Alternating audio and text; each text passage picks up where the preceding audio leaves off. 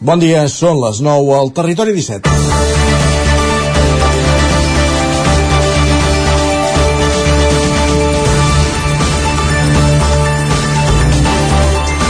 Aquesta propera mitjanit començarà la campanya electoral. A diferència d'ara, és que els candidats a formar els propers ajuntaments seran encara més insistents i podran demanar directament el vot fins al dia 26, perquè ja se sap que el dissabte abans dels comicis està reservat per la reflexió allò que tothom diu però que poc s'aplica i menys ara en l'era digital i de les xarxes socials. Ara bé, amb un altre nom, la campanya ja fa dies que està en dansa. Els candidats canvien el rictus seriós per un somriure i estan més amables que mai amb els mitjans de comunicació, agafen el telèfon amb una facilitat inversemblant proporcionalment a la de la resta del mandat i fan i diuen coses de vergonyeta aliena, que ara també magnifiquen les xarxes socials. En els darrers dies hem vist el candidat de Junts a l'Ajuntament de Vic explicant que tapiaven habitatges que havien estat ocupats després de 8 anys, dient que un ajuntament té poc marge de maniobra en, aquesta, en aquests afers.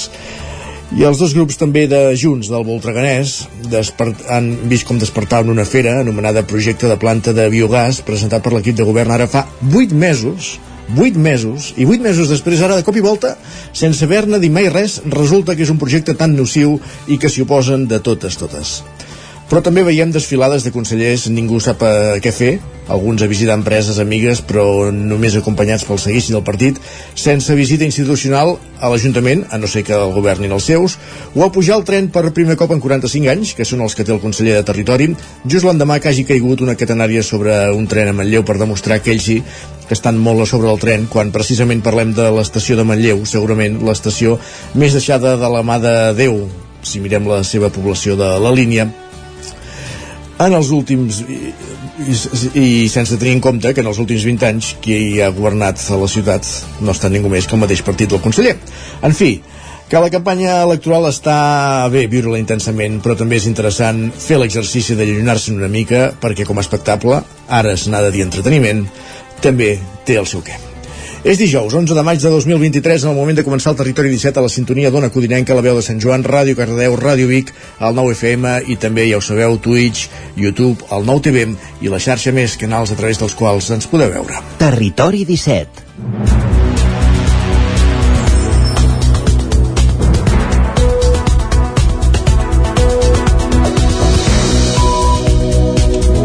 Dos minuts i mig que passen de les 9 del matí d'aquest dijous, 11 de maig de 2023, en el moment de començar el Territori 17, el magazín de les comarques del Vallès Oriental, l'Osona, el Ripollès, el Moianès i el Lluçanès, que us fa companyia cada matí, cada dia de cada dia, de dilluns a divendres, entre, durant dues hores, entre les 9 i les 11.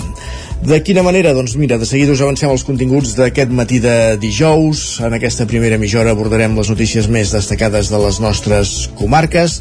Un cop d'ull a l'actualitat des de les diferents emissores del territori 17. També farem un cop d'ull al cel. En Pep Acosta, el nostre home del temps, ens farà la previsió del dia que tornarà a ser plujós pel que ens ha avançat i també anirem fins al quiosc per veure quines són les portades dels diaris del dia amb en Sergi Vives.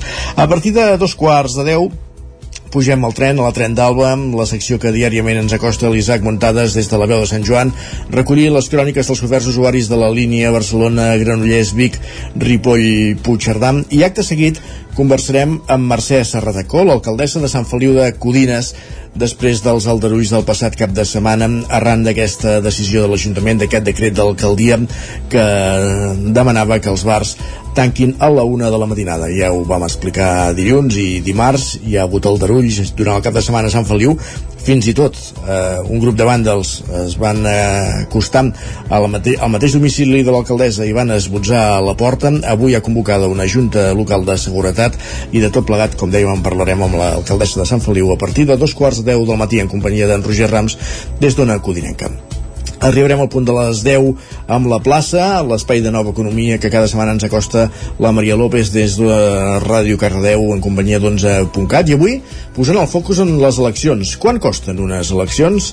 Doncs ho sabrem, ho explicarem a la plaça just abans d'arribar a les 10, a aquesta hora notícies, la previsió del temps i avui a la Foc Lent en Roger Rams ens descobrirà Pastes Sant Martí, una fàbrica de pasta artesana de Caldes de Montbui. Això serà, com dèiem, a partir d'un quart d'onze i a dos quarts ens endinsarem a la dimensió de Twitter amb en Guillem Sánchez i després és moment d'anar al cinema, a conèixer les estrenes de la setmana, les novetats a les cartelleres dels cinemes de casa nostra, amb en Joan Garcia i en Gerard Fosses des del Grau de Sant Joan i acabarem el programa fent recomanacions de sèries. Aquest és el menú del territori 17 d'aquest matí de dijous.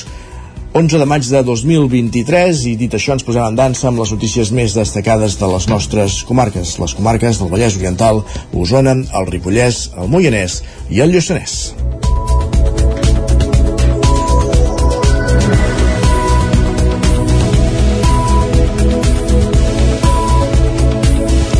Els aldarulls del cap de setmana a Sant Feliu de Codines continuen portant cua, on Codinenca ha pogut parlar amb els cossos policials que van intervenir aquest cap de setmana a través d'una entrevista feta a la comissària dels Mossos d'Esquadra de Caldes de Montbui. Ens omplia tot plegat en Roger Rams des d'Ona Codinenca. Bon dia, Roger.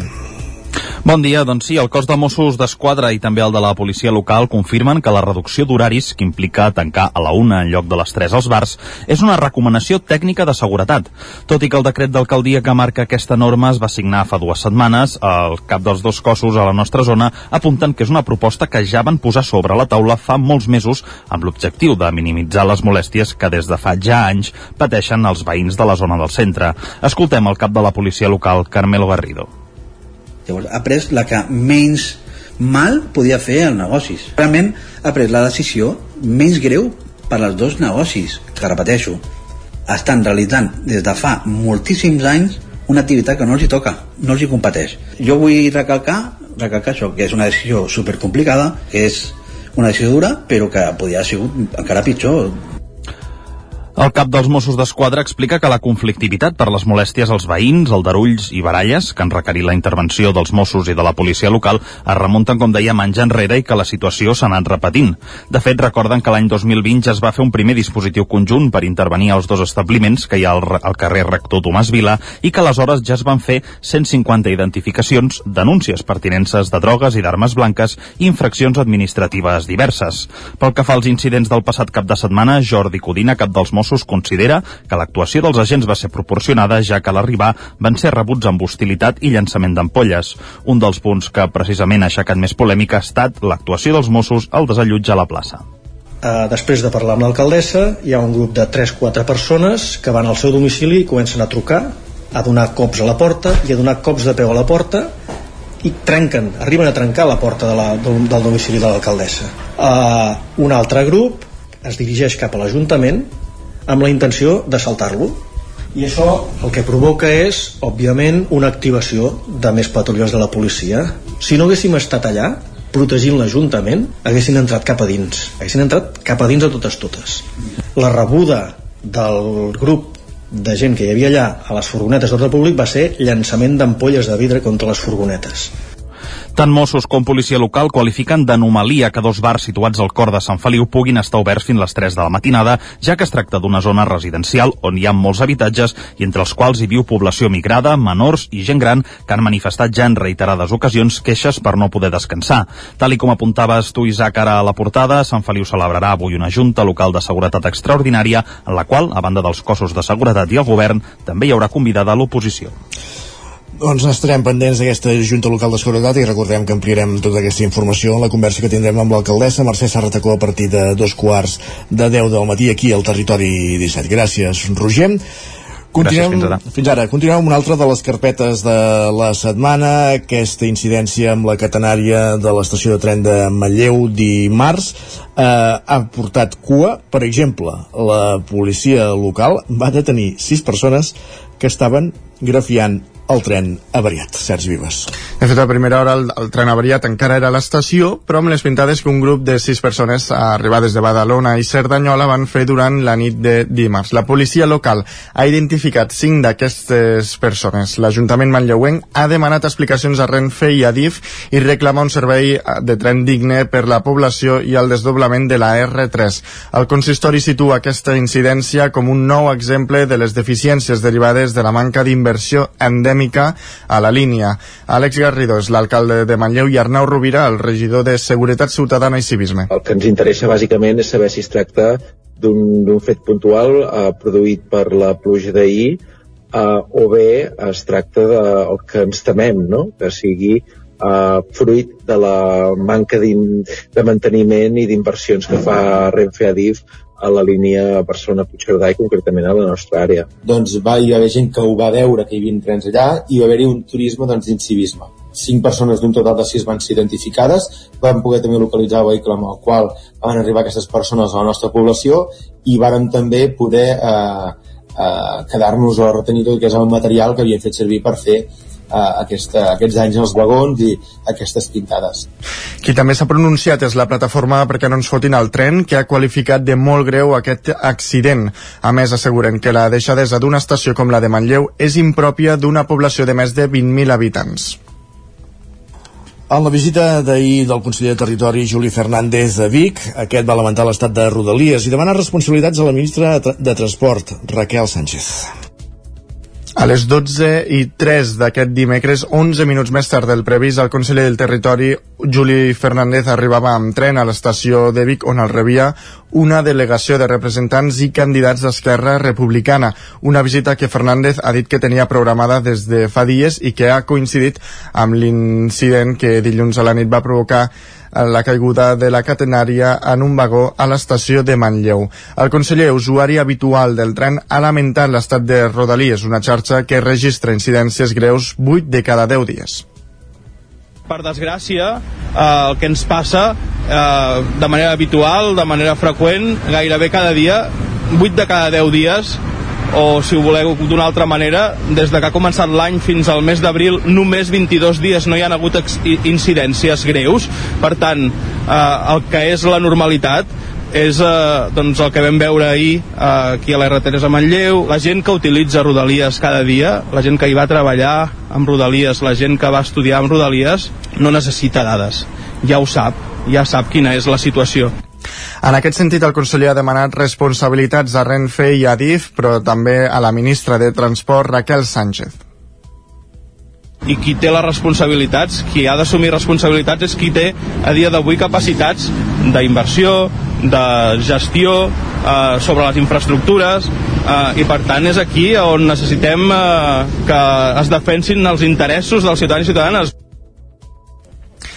A banda dels candidats de Vic i Sant Pere Torelló, el president del Consell Comarcal d'Osona i alcalde de Sant Julià de Vilatorta, el república Joan Carles Rodríguez, també va fer costat a Fernández durant la seva visita ahir matí a la capital osonenca. Més qüestions, canviem de qüestió. Els castellers del Baix Montseny... No, disculpeu, no és aquesta la informació que teníem prevista per ara. L'absentisme al Consell d'Alcaldes i Alcaldesses del Ripollès esdevé crònic i només hi assisteixen set alcaldes i un regidor en la cloenda del mandat.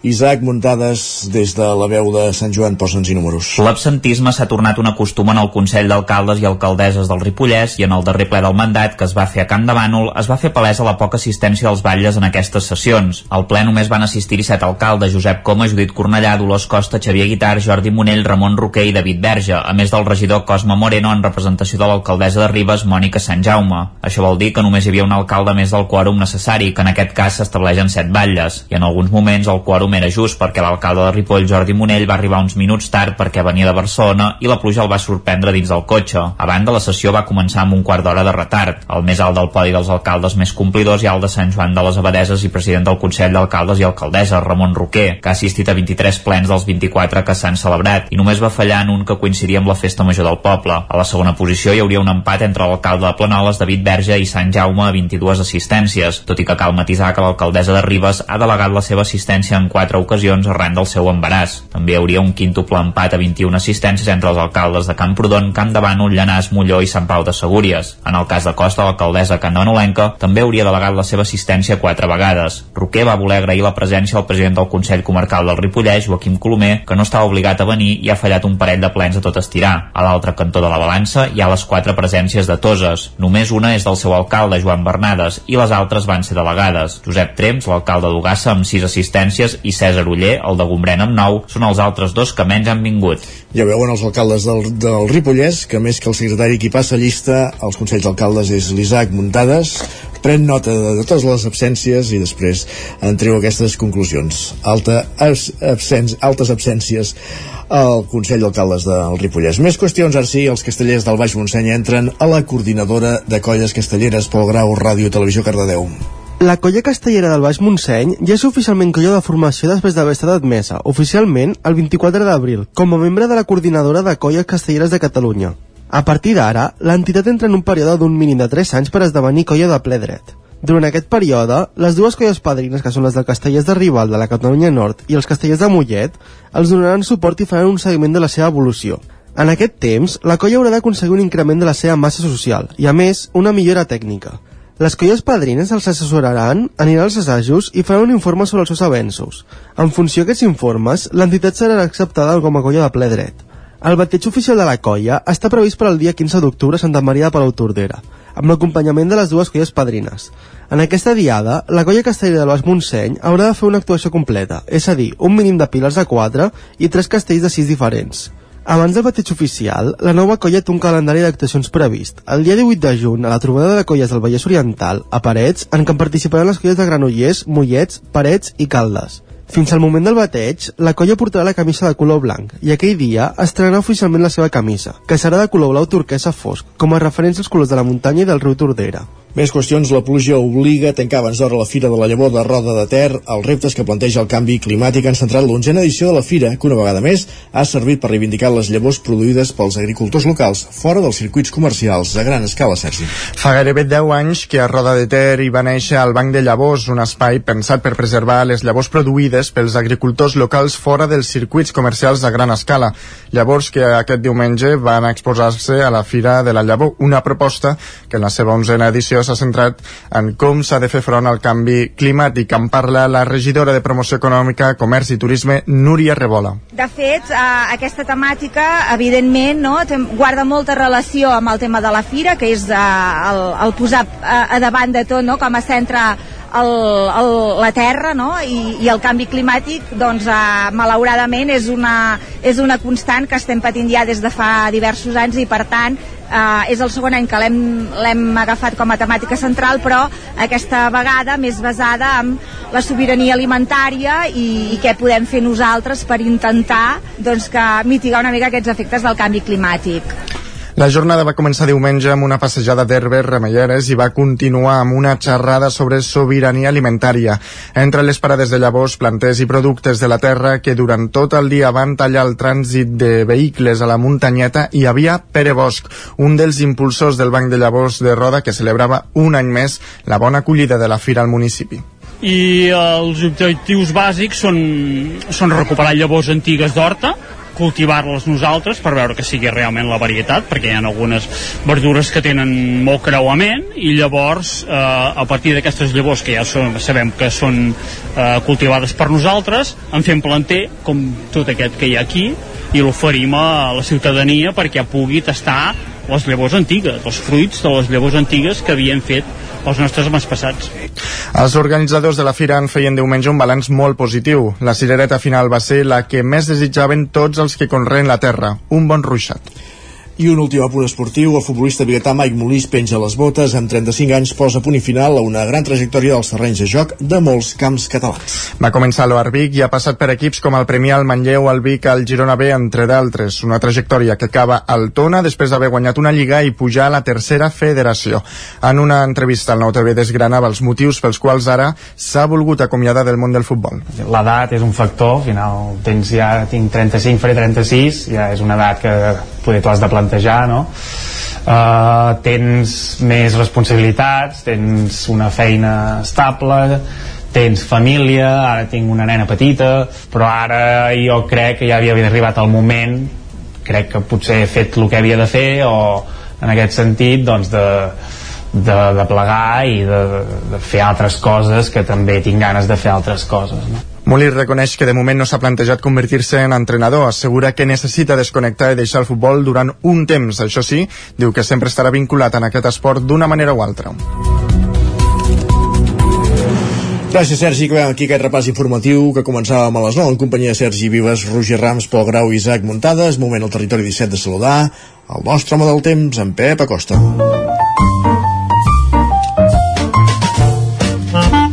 Casa Terradellos us ofereix el temps. Plourà avui, Pep? Va, ben, benvingut, bon dia. Hola, bon dia. Què tal? Com va tot? I tu? Uh, quin maig, eh? De moment... Cada dia un raig. Uh, la dita, pel maig, cada dia un raig. Uh, per fi, per fi es va confirmar una mica. Uh, L'atmosfera està molt inestable. Um, ha canviat com un mitjó per un meteorològic uh, per fi, per fi es, es, es veuen grans nublades per fi fa una mica més fresca del que hauria de fer. Avui les temperatures han tornat a baixar fins i tot alguna glaçada al Pirineu mínimes entre els 10 i els 15 a moltes zones però fins i tot per sota dels 10 graus a les zones més fredes del Pirineu. Um, però bueno Uh, és que això no ens hauria d'estranyar gens això. És el que és el que toca, és el que hauria d'haver passat durant tota la primavera i és el que no ha passat. Però bueno, millor que arribi tard que no pas que arribi mai millor tard que mai.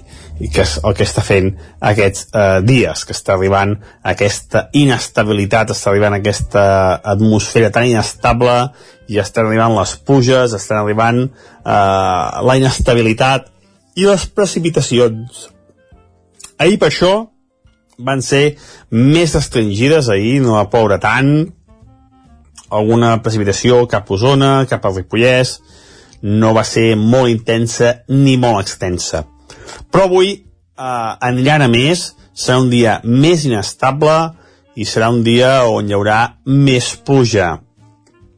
Eh, demà al matí ja pot ploure, sobretot cap al prelitoral i zones pròximes, alguna precipitació eh, amb cara lluís, però serà a partir del migdia que la pluja anirà a més. Eh, eh, en forma de tempesta, eh, ruixats, eh, localment moderats, algun d'intens, jo crec que la majoria entre 10 i 15 litres, tot i que eh, puntualment es pot superar aquests 15 litres. Eh, molt, molt, molt, molt, molt beneficiós aquesta puja, anirà sumant litres, anirà remullant el terreny, que és una cosa molt, molt important. I eh, a destacar, a destacar també aquesta baixada de temperatures, Uh, moltes poblacions els hi costarà arribar als 20 graus, sobretot cap al nord, cap al Ripollès, cap a Osona, uh, costarà arribar als 20 graus, um, cap al pleitoral, amb les màximes cap als 22-23. Uh, refrescada notable les temperatures, amb aquest uh, front, amb aquesta inestabilitat que tenim a sobre. El més important, el més bo, és que sembla que aquesta inestabilitat durarà forces dies. No serà només eh, cosa d'avui ni de demà, sinó que durarà forces dies, es aniran, es aniran subant litres i això és molt, molt important. Demà farem un balanç de tot plegat i ja direm quin temps espera el cap de setmana, que també serà força, força inestable. Moltes gràcies i molt bon dia. Adeu. Doncs més pluges i pendents també d'un cap de setmana inestable. Parlem d'aquí una estona. Gràcies, Pep. Casa Tarradellas us ha ofert aquest espai. I del cel cap al quiosc. Perquè és moment de saber, Sergi, quines són les portades dels diaris del dia. Per on comencem? Doncs va, comencem pel punt avui, que encapça la portada amb el titular La lliçó dels barris. Expliquen que en 18 anys s'ha posat en marxa 135 plans d'educació d'entorn en 118 municipis catalans. Afegeixen que administracions, entitats i agents educatius reforcen l'acció comunitària. Per altra banda, diuen que Villarejo buida el CAP, i és que expliquen que l'excomissari apunta a Rajoy, Santa Maria i al CNI en la compareixença en la comissió d'investigació. Diu que l'Operació Catalunya es va dissenyar des de la presidència del govern espanyol. Quina sorpresa. Porto dies buidant el pap, Villarejo, fa uns quants anys ara ja, sí. Um, el periòdico diu que les administracions inverteixen un 45, uh, uns 45 milions en la Copa Amèrica. Expliquen que Generalitat, Govern Central, Ajuntament de Barcelona i Consorci del Turisme destinen aquesta xifra a la regata de 2024. La Vanguardia diu que gairebé la meitat dels que viuen de lloguer estan en risc de pobresa. Expliquen que segons el Banc d'Espanya, 4 de cada 10 inquilins dediquen més d'un 40% dels ingressos a arrendar un pis enfront al 20% de mitjans de, de la mitjana europea. I el recomanable és no superar el terç. Per tant, Així estem. Una, una informació que amplia l'ara, que diu que la proporció de gent que viu de lloguer a l'Estat ha passat del 13% al 20% al, 20, al 2020 uh, i afegeixen que la mitjana d'edat dels inquilins a Barcelona és cada cop més alta i ara ja se situa en els 40 anys. I canviant eh, de tema, La Vanguardia diu que una vacuna de l'ARN obre la via a la immunoteràpia contra el càncer de pàncreas. Expliquen que la meitat dels 16 pacients tractats han respost al tractament experimental. I repassem ara la premsa espanyola. El país diu que el govern aprovarà un rescat pels agricultors per la sequera. Expliquen que el camp rebrà ajudes directes i s'acceleraran les obres hidràuliques. L'ABC diu que la desesperació desborda la frontera amb els Estats Units. Expliquen que estem una crisi humanitària per, pels milers de persones que s'agrupen a Mèxic per intentar creuar després del fi de la norma que permetia les expulsions express. I el Mundo entrevista a l'exvicepresident del govern espanyol per part del PSOE, Alfonso Guerra. Diu que els seus socis... Hombre, sempre repareix els millors moments aquest home. sí. ja. Diu que els seus socis aconsegueixen desviar a un PSOE de 144 anys d'història. Apunta que en aquest govern de coalició no hi ha un projecte de país i assegura que la fórmula ha creat més dificultats de les que ha arreglat és allò de no saber entendre que les coses es poden fer d'una altra manera i que hi ha més món a part de, del seu propi malic. Però vaja, en fi, Alfonso Guerra, un fenomen. Què més? La, la Razón diu que el govern força la divisió de jutges i fiscals sobre l'inici de, la, de la vaga expliquen que Justícia es fa càrrec de les diferències entre les associacions per desactivar les protestes. Aquestes són les portades que ens podem trobar avui a premsa catalana i espanyola. Això al quiosc, si entrem a l'ordinador o a través del telèfon mòbil, podem veure les portades del 99.cat, de les edicions digitals, a Osona i el Ripollès, doncs mira que Aragonès demana responsabilitats a l'Estat per l'incendi de la catenària d'un tren a Manlleu.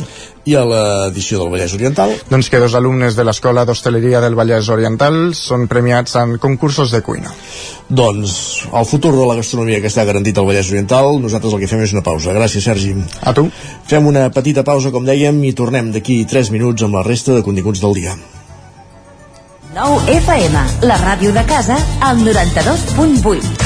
Quan tingui un problema amb la seva caldera, vagi directament a la solució. Truqui sempre al servei tècnic oficial de Saunier Duval i despreocupis, perquè som fabricants i coneixem les nostres calderes peça a peça. I ara aconseguiu fins a 250 euros en canviar la caldera. Informeu-vos al 910 77 10 50 o a saunierduval.es. Estàs preparat per aquest estiu? A Boi Galter som especialistes en tot allò relacionat amb la protecció solar per a qualsevol necessitat d'espai, tendals, pèrgoles, escrins interiors. Anticipa't a la calor. T'assessorem i t'oferim la màxima garantia de confort i benestar per casa teva. No ho dubtis i vine a Boi Galtés. Ens trobaràs al carrer Jaume I de Vic número 5 al 93 886 1420 a la nostra web www.boigaltes.com i també som a Instagram boigaltes.tendals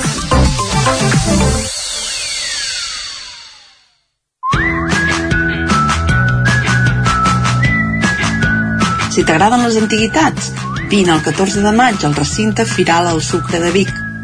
A la descarregada de Vic hi trobaràs mobiliari, objectes de decoració, peces d'art, joies, eines, llibres, etc.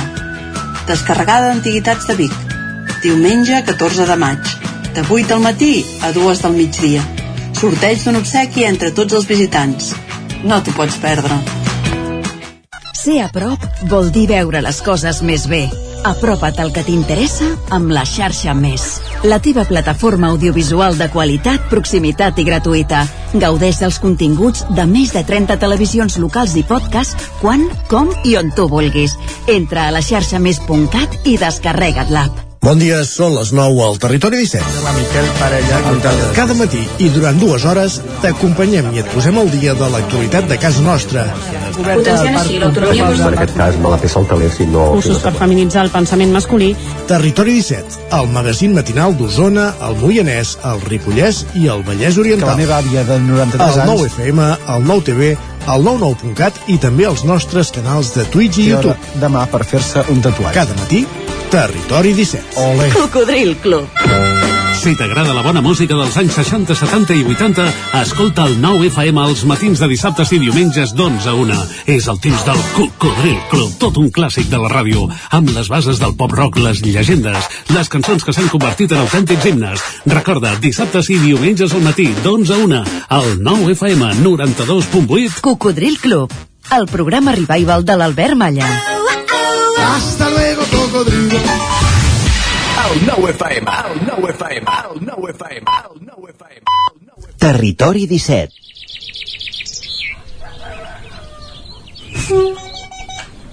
A Tren d'Alba. Cada dia els usuaris i usuàries de la línia R3 de Rodalies que veuen sortir el sol des d'un vagó ens expliquen les gràcies i les penes del primer comboi que uneix Ripoll i Barcelona o les feixugues jornades amb el tren després de treballar.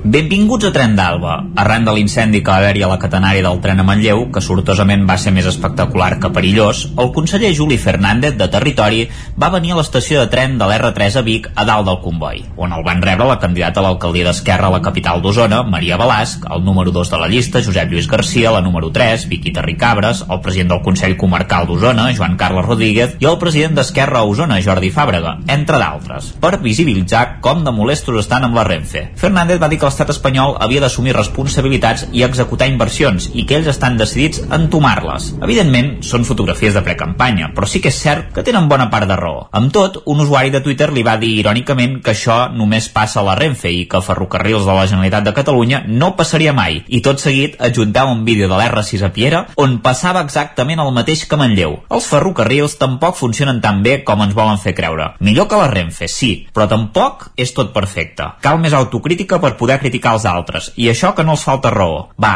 ens retrobem dilluns amb més històries del tren i de la R3. Territori 17, el 9 FM, la veu de Sant Joan, Ona Codinenca, Ràdio Cardedeu, Territori 17. Ara mateix passa un minut i mig de dos quarts de deu del matí.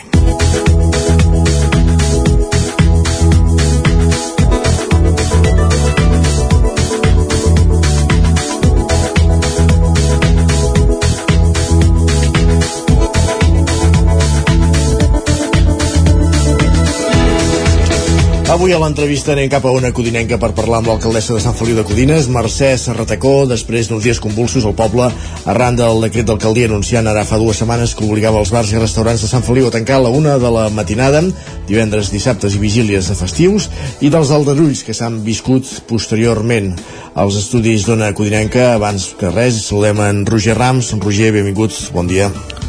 Bon dia, gràcies, Isaac. Doncs sí, com deies, avui ens acompanya Mercè Serratacó, l'alcaldessa de Sant Feliu de Codines, amb uns dies que, com apuntaves, estan sent convulsos, si més no moguts aquí al, al poble. Uh, la podem saludar ja. Bon dia, alcaldessa, gràcies per passar avui pels micròfons d'una codinenca. Hola, bon dia a tots. Uh, primer de tot, què tal, com està? Bé, bé, en principi bé. El que passa que fa una mica de, de tristesa veure que hi ha gent que potser no protesten per coses importants i que en canvi doncs, eh, et poden fer aldarulls per una cosa tan senzilla com aquesta. Però bé, estem bé, estem bé.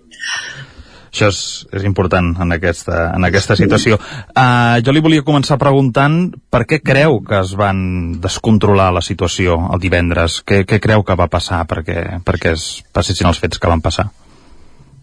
A veure, uh, en realitat, la gent, la gent que va fer tots aquests aldarulls, estem parlant de entre 35 i 40 persones, no hi havia més.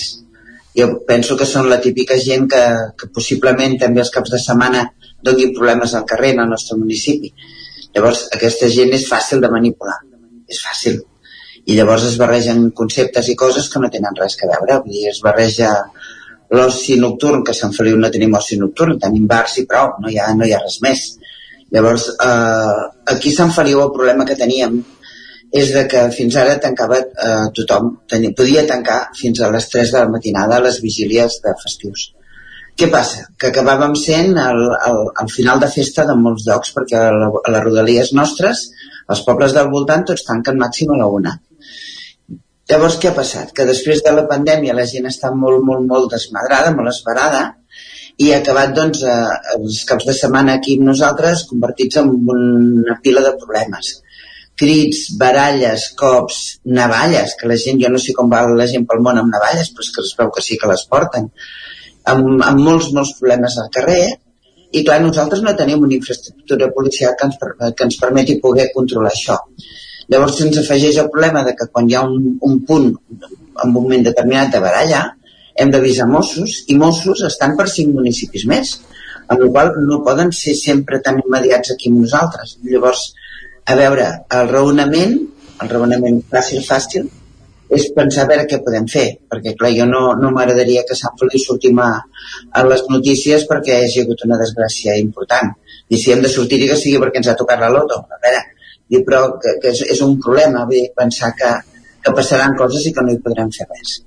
Llavors vaig estar parlant amb, amb la Guàrdia Civil, amb Mossos i amb policia i preguntant-los i amb ells que són els experts què creien que es podia fer per evitar aquests problemes perquè és cada setmana que hi ha coses. I ells els que em van dir és que l'única cosa que es podia fer era que tanquéssim a la una.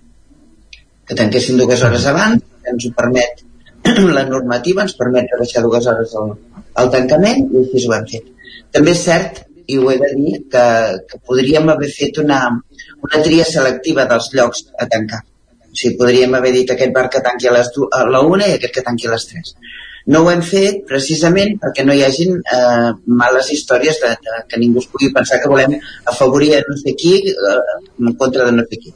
No, tothom igual, tot el municipi igual. Val? I de mm. Fent això, ens assegurem que els veïns de la zona puguin descansar.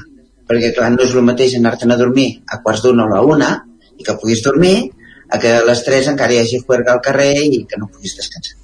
Sí. Mm -hmm perquè entenc que en aquest sentit hi havia queixes veïnals, diguéssim, pel, aldarulls que hi havia aquests, a l'entorn d'aquests bars. Sí, sí, és que de veritat que és per sentir-ho. Perquè clar, aquesta gent, primer que, que estan tota l'estona o moltes hores al carrer consumint, cosa que tampoc no és precisament massa enllà, no? el tema és complicat. Eh, passa una carretera, perquè és, és un dels carrers del poble, però és la carretera que porta fins a Gallifa, vull dir, és un risc que hi hagi gent a les aceres o baixant de les aceres amb el got a la mà anar bevent perquè bueno, podem tenir un disgust en aquest sentit els veïns què passa? Doncs que hi ha gent, jo m'imagino que és com tot a les cases hi ha gent que tindrà criatures petites que no podran dormir fins a les 3 perquè el soroll és immens i o gent gran doncs, que tampoc podrà descansar o gent que ha d'anar a treballar, que hi ha gent que treballa i s'haurà de llevar, doncs, encara que sigui dissabte o diumenge, doncs igual les lleven igual a les 6 del matí o a les 7 i clar, és complicat, hem de, hem de buscar una mica que, que que sigui tot possible. Val? O sigui, una mica jo penso que, que l'esperit era aquest, intentar de que, de que la convivència sigui bona, de que no hi hagi històries entre veïns i, i usuaris dels bars, i per això es va fer, en principi per això. El, per què es van concentrar a la plaça? Doncs, bueno, hi ha, hi ha hagut versions de tota mena. Hi ha hagut versions de que espontani, gent que diu que no, que està orquestat, bueno, no ho sé, no ho sé. El que passa que com a, a veure, com a protesta, passar-se una quarantena de persones, o entre 35 i 40 persones, una hora i mitja a la classe, tirant petard, però petards importants, vull dir, petards d'aquests allò que tremola tot, eh? I, i cridant, doncs, alcaldessa, filla de ta, ta, ta, ta, um, com a argument és pobre. Uh -huh. Com a argument és molt pobre Entenem, però, que la mesura de tancar a la una el que persegueix és que determinades persones que entenem que són l'origen d'aquests problemes eh, si són, no sé si són o no de, de Sant Feliu o de fora però que, si més no, que no tinguin espai al poble, diguéssim, per, per, per exercir, per fer aquesta, eh, eh, per provocar aquests aldarulls o aquestes situacions eh, poc, poc agradables, per entendre'ns, no? Hi haurà gent de tot, de fora i de dintre, perquè hi havia gent d'aquí i gent de fora però, però el tema és tant de que és que no tenim oci nocturn, o sigui, aquí no hi ha discoteques ni, ni bars musicals ni res d'això. Llavors no té sentit que si tot, tot, tota la resta de bars del poble estan tancant a quarts d'una, o les 12, quarts d'una com a molt, n'hi hagin tres que estiguin aquí fent, fent tot un, un, reguitzell de sorolls i, i molèsties, que, a veure, diguem-ho tot, és que ho paguem entre tots. Cada setmana ens toca allò netejar la zona perquè és increïble la quantitat de, de porqueria que deixen. Cada setmana ens passem la, el, bueno, ben de, de, de, reclar o canviar el mobiliari urbà. Cada setmana tenim problemes de, de baralles, la gent es baralla moltíssim, i a més a més és que de veritat, llavors aquesta gent, per si algú no n'és conscient, estan com estan, agafen cotxes, eh? I clar, Jo volia, senyora Serratacó, tirar un, un pèl enrere. Abans ha parlat vostè de decisió tècnica per part de la policia de, de tancar la una, però jo li volia preguntar quina ha estat la gota que ha fet vessar el got perquè a res, a setmanes vista de les eleccions, vostè decideixi signar aquest decret. A veure, fa molt de temps que anem a darrere d'això, ja fa un any que vam tenir una reunió amb, el, amb la gent dels restaurants de, i bars de Sant Feliu, se'ls hi va exposar el tema, els hi vam dir que escolteu-me, feu alguna cosa perquè la gent no estigui al carrer cridant, i bueno, a hores d'ara no s'ha solucionat absolutament res. Llavors, com que a més a més la gent ara té el costum, no sé si veu dolent, però de filmar-ho tot i difondre-ho a les xarxes, quan veus algú que està mig desmaiat a terra, sigui per beguda, sigui perquè li han pagat, no ho sé, però que la gent de l'entorn li van tirant patades. Dius, "Mm, ens hem begut l'enteniment, estem malament del cap, tots plegats, què hem d'esperar? A veure si ens el carreguen i sortirem a, a les notícies, perquè clar, dir, per molt que, quan veus això, dius, a veure, per molt que avisi la policia, si triguen 5 minuts el poden haver carregat. Mm. No sé si tenen raó de pagar-li o no, crec que no és mai una raó per pagar ningú, però quan veus això, de veritat que, que se t'encongeix l'estómac. I dius, a veure, això no és oci nocturn. Això no és res. Això és senzillament gent que es baralla perquè va beguda i justifiquem tot davant d'aquestes històries. Jo ho sento, no puc, no puc. I a mi em fa molta por i de veritat, vull dir, suposo que hi haurà gent que no li agrada. Però jo no vull tenir sobre la meva consciència no haver fet res per evitar-ho. I així us ho dic, jo quan he parlat amb, amb gent de tot arreu, perquè és un tema que l'he parlat amb moltíssima gent i més porto tota la setmana aquesta parlant d'aquest tema, la veritat és de que tothom que té responsabilitats, tothom m'ha dit ho has fet bé. Tothom. Parlo de la gent que té responsabilitats, eh? Està clar, sí, sí. Perquè, clar, és complicat. I hi ha una cosa que m'agradaria, ja que estem parlant, m'agradaria que quedi clar. S'està parlant de que els joves no tindran lloc on anar. Permeteu-me dir que em sap molt greu, molt greu, que algú cre es cregui amb el dret de dir que els joves només saben anar amb un bar a veure. No, o sigui, no ho compro, això no és veritat.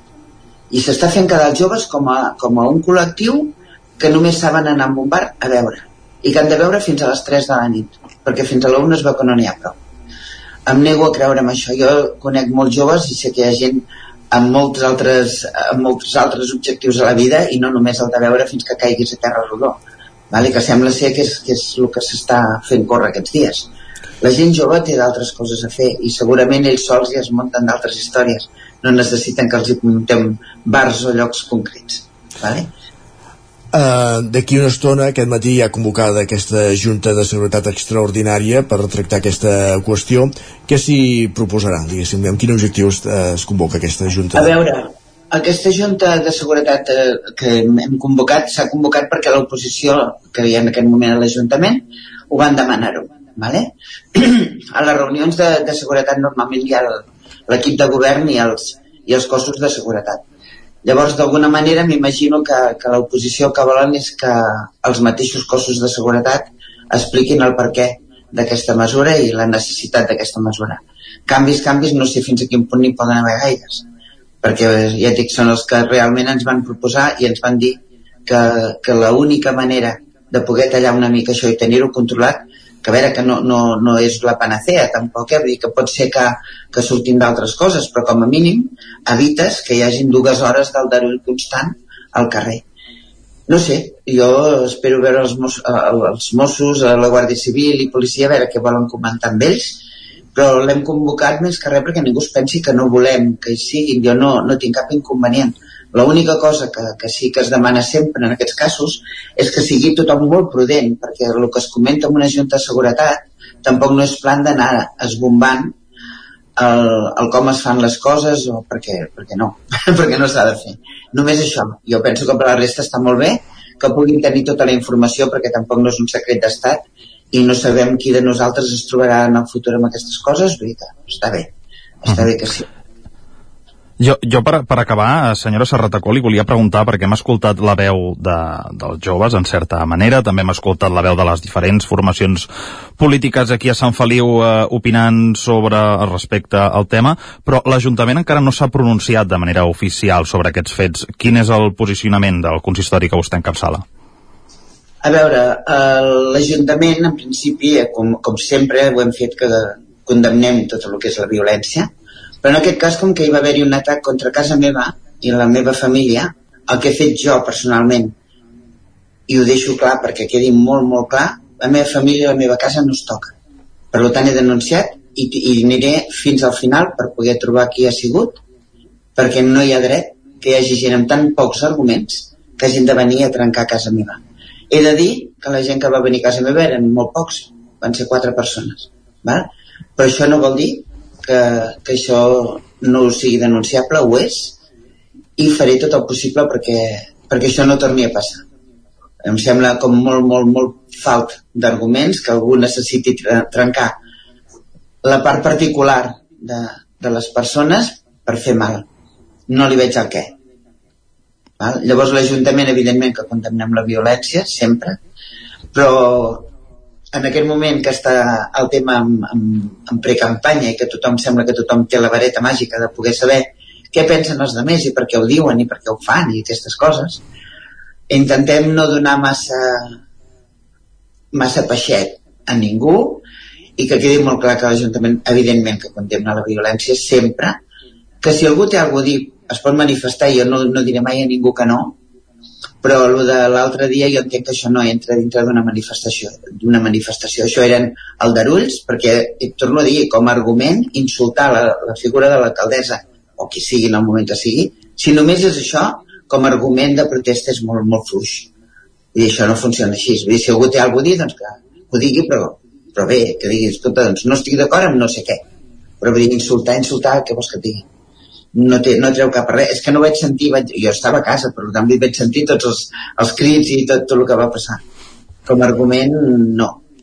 No està clar, eh, com dèiem al principi, dies convulsos a Sant Feliu, esperem que mica a mica es vagi recobrant la normalitat, això malauradament només vol temps segurament i veurem doncs els propers, les properes setmanes com va evolucionant tot plegat. Mercè Serratacó, moltes gràcies per reportar avui el seu testimoni per ser l'antena de, del territori 17 i molts ànims en aquests dies que com bé dèiem no, no, no són fàcils per ningú. Moltes gràcies a vosaltres i a veure si tot se soluciona aviat. Bon dia. Gràcies. Adéu, bon dia. Gràcies també Roger per acompanyar-nos aquest matí aquí a, a l'entrevista. Parlem d'aquí una estona. Gràcies a vosaltres. Fins ara. Avancem al territori 17, després de recollir el testimoni de l'alcaldessa de Sant Feliu de Codines de Mercè Ratacó sobre aquests aldarulls que va haver-hi el cap de setmana, eh, que van acabar, com ella mateixa explicava, doncs, amb, amb quatre vàndals eh, fent desperfectes a casa seu, a casa al domicili particular de, de l'alcaldessa i tot arran d'aquesta mesura d'avançar el tancament de, dels bars eh, els caps de setmana de les 3 a la 1 de la matinada. Nosaltres el que fem tot seguit és anar cap a la plaça, l'espai de nova economia, avui parlant d'eleccions i dels costos de les eleccions. Tot seguit saludem la Maria López.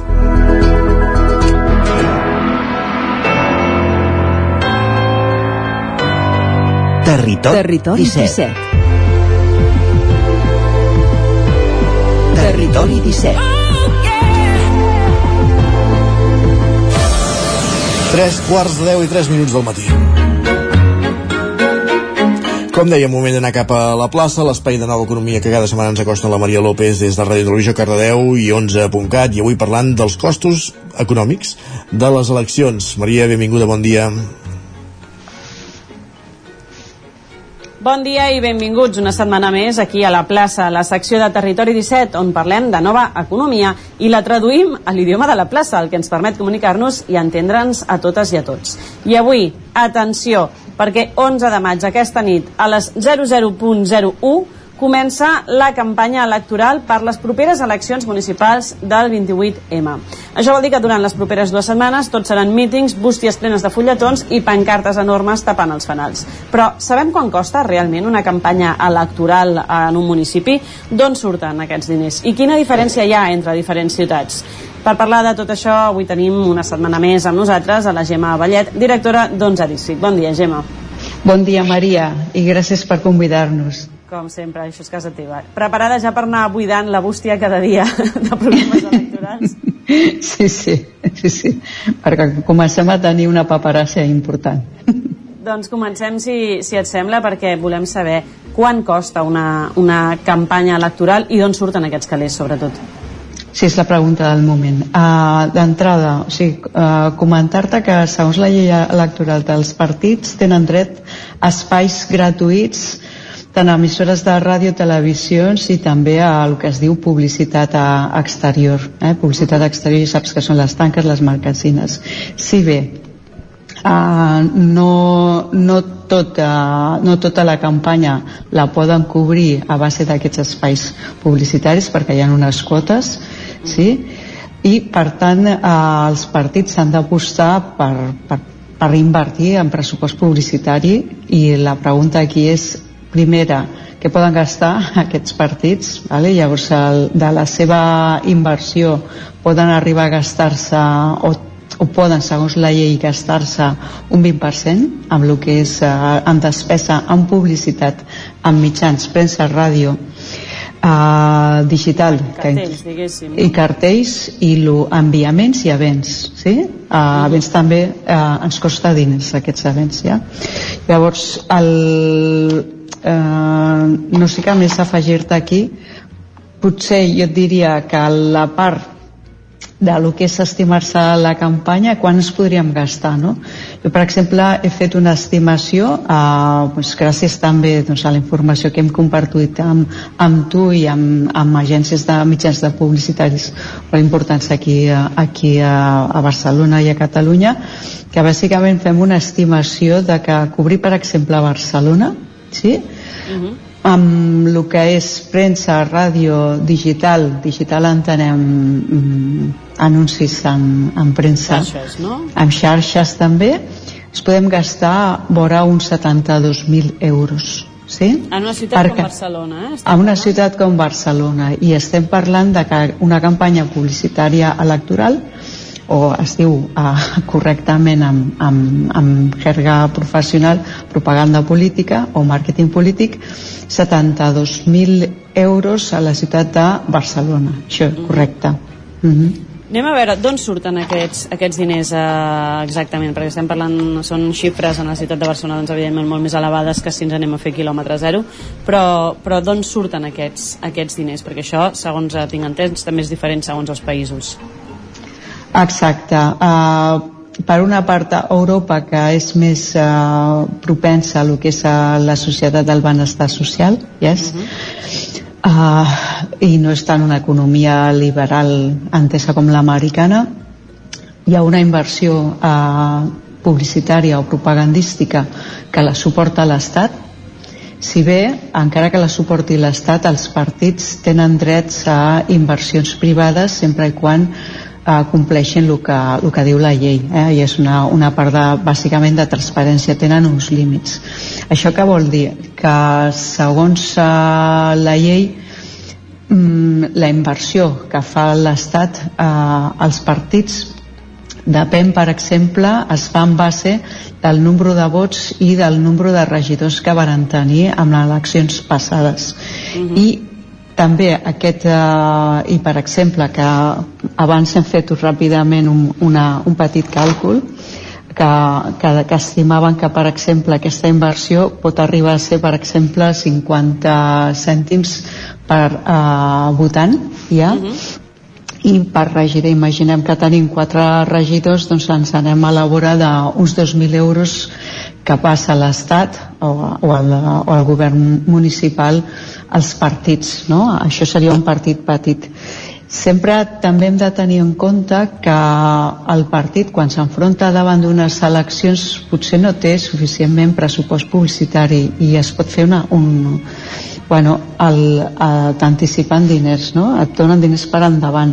Si veig si és un partit nou aquests diners no, no t'arriben amb la qual cosa tens una, tens una dificultat a, afegida mm? que entenem que d'alguna manera si la finan el finançament eh, depèn dels teus resultats entenc que les, evidentment les, les, els anticips aquests que es puguin demanar per fer la campanya seran en base als resultats anteriors per tant, si ets un partit nou eh, vens de zero entenc que no, sí. es pot, eh, no es pot avançar res no? Sí, la qual cosa és una... Eh, bueno, per mi és una llàstima perquè imagina't situacions en les quals pots, vols començar un partit, per exemple, de tipus sostenible, saps? I que arribi a, a noves formes d'abordar la, la societat que fa la transició cap a la, la revolu revolució climàtica, no? Llavors aquest partit mm, li costarà molt. Potser li costa dos generacions arribar a un punt amb el qual té un poder a dins de, de lo que és els governs nostres, no? Clar, d'alguna manera, si jo ara demà monto un partit i ara ja no hi soc a temps de presentar-me a les eleccions, però per les properes. Exacte. Si jo vull financiar-me amb aquesta campanya, d'entrada hauria jo d'avançar aquests diners i creuar els dits, esperar tenir uns bons resultats perquè després amb la subvenció em quedi coberta la despesa que, que jo he fet i també comptar amb alguna part de, de diners privats. Que això em sembla important també perquè suposo que, que aquí hi ha molta gent que el fet de que aquests diners surtin de, de la nostra butxaca via impostos al final deu ser uh, una cosa que, que hi haurà gent doncs, que no estarà molt a favor però també té molt de sentit si fem la comparativa amb els Estats Units, no? Té molt de sentit, eh, perquè sí, jo crec que hem de, hem de pensar els Estats Units és privat-privat eh, i, eh, i també això el que fa és que els, els partits que guanyen finalment el que són són una extensió, si em permets, de les grans corporacions, sí? o dels grans poders eh, eh, econòmics, sigui banca, sigui eh, armamentístic, etc. saps? O sigui, eh, sembla com molt més liberal, etc, però té uns riscos que al final qui és, qui és, qui és el que està governant Google, no? M'entens? Aquesta és la idea, no? O Elon Musk, qui està darrere d'aquests uh, personatges polítics. I en el nostre cas, s'intenta, eh, ja saps que, que també són famosos de, per corrupció, s'intenta donar un equilibri que hi hagi més o menys una representativitat de, de ciutadans i d'ideologies gràcies a un finançament. Ja? So, aquí jo veig la part que ens pot o no molestar però que sí que ja va haver-hi en el seu moment un interès, una voluntat de protegir la, la presentació dels ciutadans a, a dins de, de la representació democràtica dels països no? Parlaves abans del voltant d'uns 50 cèntims en el cas, ens trasladem una mica a quilòmetre zero, eh? Doncs 50 sí. cèntims per vot aproximadament eh, i per regidor tenim una xifra també, o sigui, en funció d'aquests resultats, que, que es rebrà per regidor? Vora d'uns 270 o així euros per regidor sí? Ah, sí, sí Llavors sí que... Un exemple així de quatre regidors, per exemple, en un municipi, que jo ara he fet la, la pensada en Cardedeu, eh? Com per sí. tregui, tregui quatre regidors, ja pot ser un partit doncs, que ja estigui allà competint per l'alcaldia, 4 o 5, posant 4 serien uns mil i escaig euros pels regidors, més els vots que hagis pogut treure, que suposant que tinguis 2.000 votants en un municipi com Cardedeu, a sí. 50 cèntims són 1.000 euros més, doncs igual això, no? aquests 2.000 euros i escaig per, per una campanya d'un partit que tregui resultat més o menys positiu.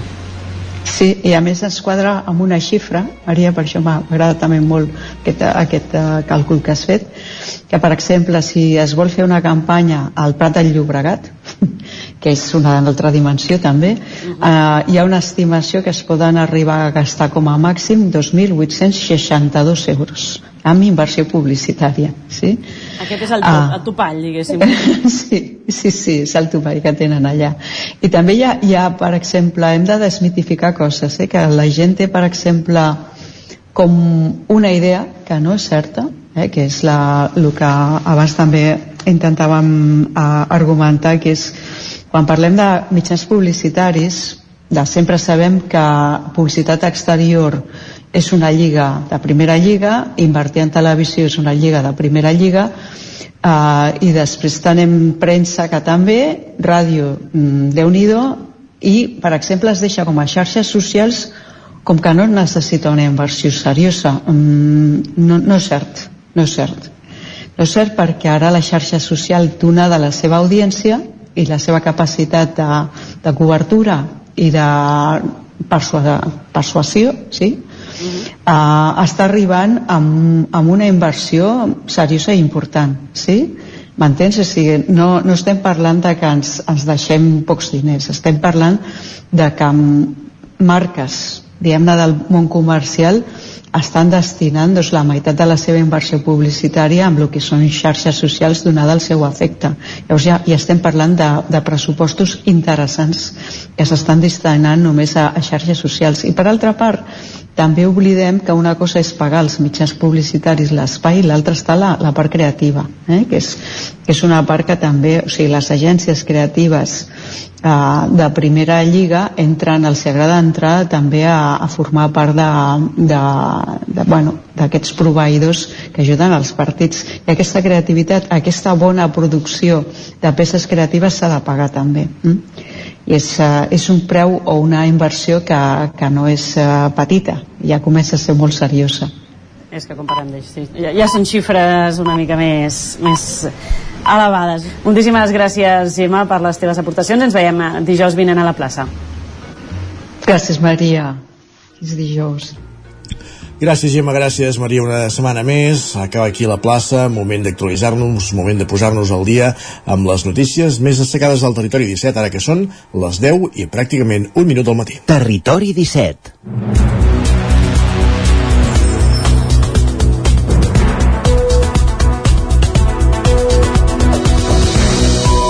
I com dèiem, és moment d'actualitzar-nos, de posar-nos al dia amb les notícies més destacades de les nostres comarques, el Vallès Oriental, l'Osona, el Ripollès, el Moianès i el Lluçanès, i fem en connexió amb les diferents emissores del territori 17. El president de la Generalitat, Pere Aragonès, i la consellera de la presidència, Laura Vilagrà, signen la llei de constitució del Lluçanès com a comarca, aprovada pel Parlament de Catalunya la setmana passada, i ho fan a Lluçà, a Santa Maria de Lluçà, Sergi. De fet, va ser el monestir romànic de Santa Maria de Lluçà l'escenari escollit ahir al migdia per dur a terme aquesta signatura. En aquest dia històric hi han estat també alguns dels impulsors de la reivindicació, alcaldes, alcaldesses, exalcaldes i representants dels Consells Comarcals d'Osona i el Bages i les diputades osonenques al Parlament. Tot plegat al mateix lloc on el 2002 es va signar el manifest que obria la reivindicació que ha acabat donant fruits. Pere Aragonès i Laura Vilagrà. Quan es confia en la ciutadania, aquells impossibles que ens han dit moltes vegades esdevenen possibles. I això és una, aquesta lliçó del Lluçanès també és per la Catalunya sencera. És un projecte de llei que evidentment dona resposta a la reivindicació democràtica que es va expressar en una consulta respectant les opcions dels municipis que varen votar no i en aquest sentit, i ho han vist, no hem volgut imposar res, al contrari, la comarca comença a caminar oficialment amb 9 dels 13 municipis dels que històricament han format el Lluçanès. Des del, consis, des del Consorci i la plataforma Lluçanès és comarca, Marc Sucarrats i Eva Boixader, respectivament, deien de nou en l'acte que confien que la resta de pobles s'hi acabin sumant. Ho hem d'entomar tots aquesta legislatura sense retrets tant, tant alcaldes com partits com, com la gent del territori de mirar de sumar, de sumar més municipis aquí. Jo crec que aquí tenim una feina durant aquests quatre anys d'integrar gent, perquè el, el Lluçanès, com sabeu i tothom l'entén, tal com és, no amb, amb nou municipis com ha quedat. Avui, però, som comarca, i això té un abans i un després. Sabem que els nostres poblets tenen futur i força. Cal caminar endavant, per les persones i per la comarca, i no oblidar mai que els que avui encara no la conformen els trobem ja a faltar. El Consell Comarcal es crearà d'aquí a 4 anys i fins llavors una mancomunitat en serà l'òrgan gestor. Després de la signatura, la jornada a Santa Maria de Lluçà va culminar amb una foto de família, una imatge per enganxar en una nova pàgina del llibre d'història del Lluçanès, que ja és la 43a comarca. Gràcies, Sergi. Més qüestions. Mor als gairebé 50 anys d'edat l'elefanta Dumba, que va viure molt de temps a Caldes de Montbui en unes condicions inadequades mentre no era explotada treballant en circs o zoos. Roger Ram, zona codinenca. Sí, fa només unes hores que hem conegut la mort de l'elefanta Dumba, propietat de la família Klutsky i coneguda a la nostra zona per haver viscut llargues etapes de la seva vida en un terreny particular de Caldes de Montbui. L'animal, com dèiem, tenia gairebé 50 anys i es tractava d'un exemplar d'elefanta asiàtica que va ser capturada en pocs mesos de vida. Al llarg de la seva vida havia estat utilitzada per treballar en diversos circs, zoos i anuncis de televisió, entre d'altres. Segons han apuntat diverses investigacions dutes a terme tant per les autoritats com per entitats animalistes com la FADA, que ha, ha seguit de ben a prop la vida d'aquest animal, les condicions en les que vivien no eren les adequades. De fet, l'any 2018, la Generalitat de Catalunya va requerir que un comitè d'experts internacionals la visités a Caldes i les conclusions que se'n van extreure apuntaven a una greu manca d'atencions per part de la propietat i se'n va demanar el decomís per no tenir un lloc digne on viure i els mínims d'espai. Les autoritats, però, mai van actuar en aquest sentit i l'elefanta Dumba va anar sent traslladada a diferents circs i zoos després d'abandonar Caldes a llocs com Sevilla, Saragossa, França i finalment a un parc temàtic d'elefants situat a uns quilòmetres al nord de Berlín, Alemanya, on finalment ha mort. Des de les entitats animalistes sempre havien demanat que la Dumba fos traslladada a un santuari d'animals on viure els seus darrers anys de vida. Més qüestions. Les responsables del comerç Sant Joaní a Llargana han impulsat unes estades a l'estranger per a infants i joves amb al·lèrgies. Isaac Muntades, des de la veu de Sant Joan a Sant Joan de les Abadeses és on s'ha gestat una proposta pionera i única que consisteix a organitzar una estada a l'estranger, concretament a Anglaterra, per nens d'entre 12 i 17 anys, que tenen una cosa en comú, tots són al·lèrgics. La iniciativa la va impulsar Anna Marginet, que és la presidenta de Soalerga i la persona responsable de l'Ergana, la botiga de productes per persones al·lèrgiques, intolerants i celíaques que es va inaugurar a finals de l'any passat al carrer Major. Marginet es va posar en contacte amb l'Associació Espanyola d'Al·lèrgics i amb la Language Kingdom, una acadèmia d'idiomes anglesa per tal d'aconseguir una residència ubicada a uns 50 quilòmetres de Londres, on els hi facin un menú especial amb un hospital a només 15 minuts de distància amb cotxe i amb personal mèdic que estarà amb ells per si es produeix alguna incidència. Com que el risc zero no existeix i per evitar complicacions, aquest any han hagut de dir no a algú que tenia massa al·lèrgies i esperen que ja pugui venir l'any vinent. Ho explicava Anna Marginet. Més de 68 interessats, clar, els hem hagut de classificar i he descobert que, inclús m'ha sorprès una mica, jo en tinc moltes, una nena que només podia menjar quatre coses, quatre aliments. Dius, aquesta nena no és possible aquest any. Intentarem que ho sigui l'any que ve. Per tot el tema de la contaminació creuada, els cofactors... Aquí estarien en una residència amb un menú del qual un 80-90% dels nens el podrien menjar. Seria un menú on clar, no hi hauria llet, no hi hauria ous, no hi hauria una sèrie de coses. Un menú que des d'Anglaterra ens deixen fer menú de menjar espanyol. Vull dir, imagina't, hem aconseguit inclús això. L'estada serà la primera quinzena d'agost perquè així s'asseguren que hi hagi menys nens a la residència i per tant menys risc d'una possible contaminació creuada, ja que al juliol hi van molts nens que no tenen cap mena d'al·lèrgia. El millor de tot és que el preu és assequible i això que l'estada es va començar a organitzar per Setmana Santa. La intenció de Marginet és que l'any vinent es pugui fer una estada aquí al Ripollès. La proposta ha comptat amb el suport de la Unió de Botiguers i de l'Ajuntament de Sant Joan. Gràcies, Isaac. Més qüestions.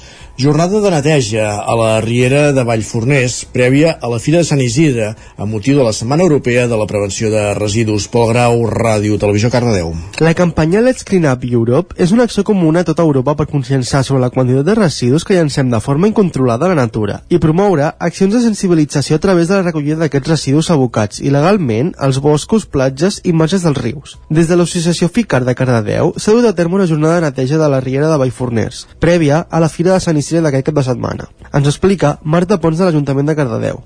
L'activitat s'emmarca en el programa d'activitats que es promou al voltant de la Fira de Sant Isidre, que aquest any, per primera vegada, hi han activitats abans, prèvies a la Fira, no? una d'elles és aquesta, aquesta recollida, i, bueno, i ens semblava molt interessant això, no? vincular ciutadania a l'espai natural que, on es celebra la Fira, no?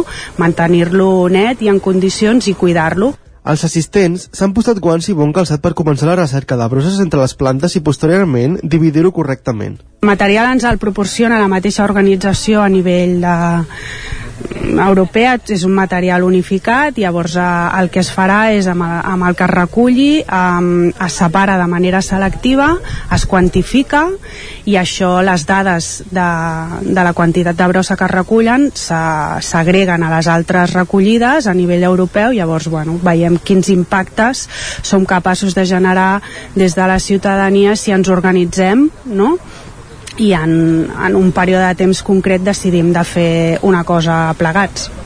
L'objectiu és expandir les recollides de residus a diverses zones del municipi, i no només a la Riera de Vallforners.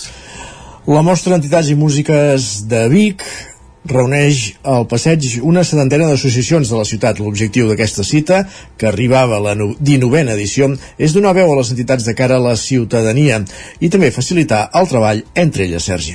Una setantena d'entitats de les 300 que formen la, el panorama associatiu de Vic complien dissabte la Rambla del Passeig en la 19a edició de la mostra d'entitats i músiques de Vic. El bon temps va fer que des de l'obertura a les 5 de la tarda l'espai s'omplís de públic. El temps va acompanyar un factor important per a l'èxit de la convocatòria, que a més de ser un aparador per als col·lectius participants, també facilita el treball en xarxa entre les entitats. En parla el regidor de Ciutadania, Participació i Cooperació, Josep Ramon Soldevila. El que és important per això és, és, és, és això, el treball que fan entre ells, que es van coneixent, estan, estan aquí eh, parlant, estan aquí treballant, estan aquí eh, col·laborant i que, i que també, evidentment, la ciutadania és molt important que vingui i per tant estic molt content i aquesta vegada jo crec que, que ha estat un èxit de participació. En els dos escenaris, al llarg de la tarda, hi van haver diverses actuacions amb música, lectura de poemes o exhibició de balls. Una de les entitats que hi va actuar va ser l'Associació Poble Indígena de Biafra, que reclama la independència d'aquest territori ubicat a l'actual Nigèria. En parla una de les seves membres, Gràcia Ikekbuna. El nostre líder, que, és, o sea, que es diu Masim Nandicano, està a la presó li van arrestar perquè ell vol que aquest poble sigui un país una altra vegada. I el nostre objectiu aquí és que la gent conegui la nostra història i que ens ajudin també a que això arribi als les persones que tinguin més poder per ajudar-nos a tenir la nostra independència. La mostra d'entitats també oferia activitats esportives i tallers i la possibilitat de participar a una gincama i del 13 al 21 de maig, és a dir, a partir d'aquest cap de setmana, els museus d'Osona se subraran els actes del Dia Internacional dels Museus. A banda de les habituals jornades de portes obertes, els equipaments oferiran activitats excepcionals. Un any més, l'objectiu és apropar el patrimoni de la comarca al públic a través de jornades de portes obertes i activitats per a tots els públics. Al Centre d'Interpretació del Camp de les Lloses de Tona, aquest dimarts, representants de tots els equipaments osonencs van anar desgranant la seva pròpia programació. Maurel Meló, les anfitriones que juntament amb el Museu del Pa de Tona oferiran un esmorzar medieval, ho explica Joaquim Sanyer. És un pa mitjaval, pa de la gent benestant, s'entén, eh, fet de farina de blat normal i farina de forment. El forment és un cereal que no n'hi no ha gaire de forment, és un cereal però que dona molt bon gust al pa. No porta gluten, és un cereal sense gluten i s'ha de treballar una mica amb, amb molta cura. El Museu Arqueològic de l'Esquerda, la, jo la joia de la corona, serà una visita teatralitzada a càrrec de l'actor Gerard Videgain. A pocs metres a la seu de la Fundació Miquel Martí i Pol, el dia 19 de maig s'hi farà un taller de recitació poètica que anirà a càrrec de la rapsoda Anna Miralpeix. I a Vic, el plat fort de l'edició es viurà aquest dissabte al Museu d'Art Medieval, que un any més acollirà la nit dels museus, una proposta que comptarà amb la projecció de Citizen Doc a la plaça Bisbe Oliva i amb una actuació de l'Orquestra Inclusiva inclusiva de la Universitat de Vic. Ho explica el director del museu, Oriol Piques. Tindran ni més ni menys que 60 persones, 60 músics, de tota mena, n'hi ha professionals, n'hi ha que no ho són, n'hi ha persones amb diferents discapacitats, diversitat, no sé si l'heu sentit mai, però és una experiència fantàstica. A més a més farà un assaig, no farà un concert. I per tant, ja hem parlat amb el director, amb en Lluís Soler, que porti un micro i la gent pugui escoltar com donen les instruccions, etc etc. Pensem que serà una experiència interessant. A la Casa Museu Verdaguer, el Dia Internacional dels Museus coincidirà amb la Festa Verdaguer, un programa que arrencarà aquest dijous i s'allargarà fins la, les 11, eh, fins l'11 de juny.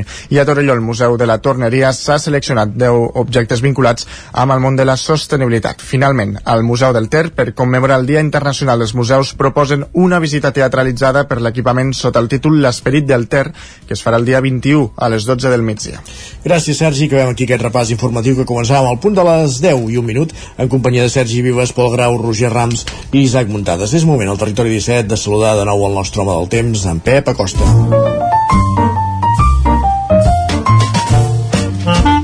Casa Terradellos us ofereix el temps. Pep, bon dia, plourà avui. Hola, bon dia. Serà un dia més inestable i serà un dia on hi haurà més pluja. Uh, demà al matí ja pot ploure, sobretot cap al prelitoral, i zones pròximes, alguna precipitació uh, amb cara lluís, però serà a partir del migdia que la pluja anirà a més. Eh, eh, en forma de tempesta eh, ruixats eh, localment moderats algun d'intens. Jo crec que la majoria entre 10 i 15 litres tot i que eh, puntualment es pot superar aquests 15 litres. Eh, molt, molt, molt, molt, molt beneficiós aquesta pluja, anirà sumant litres, anirà remullant el terreny, que és una cosa molt, molt important.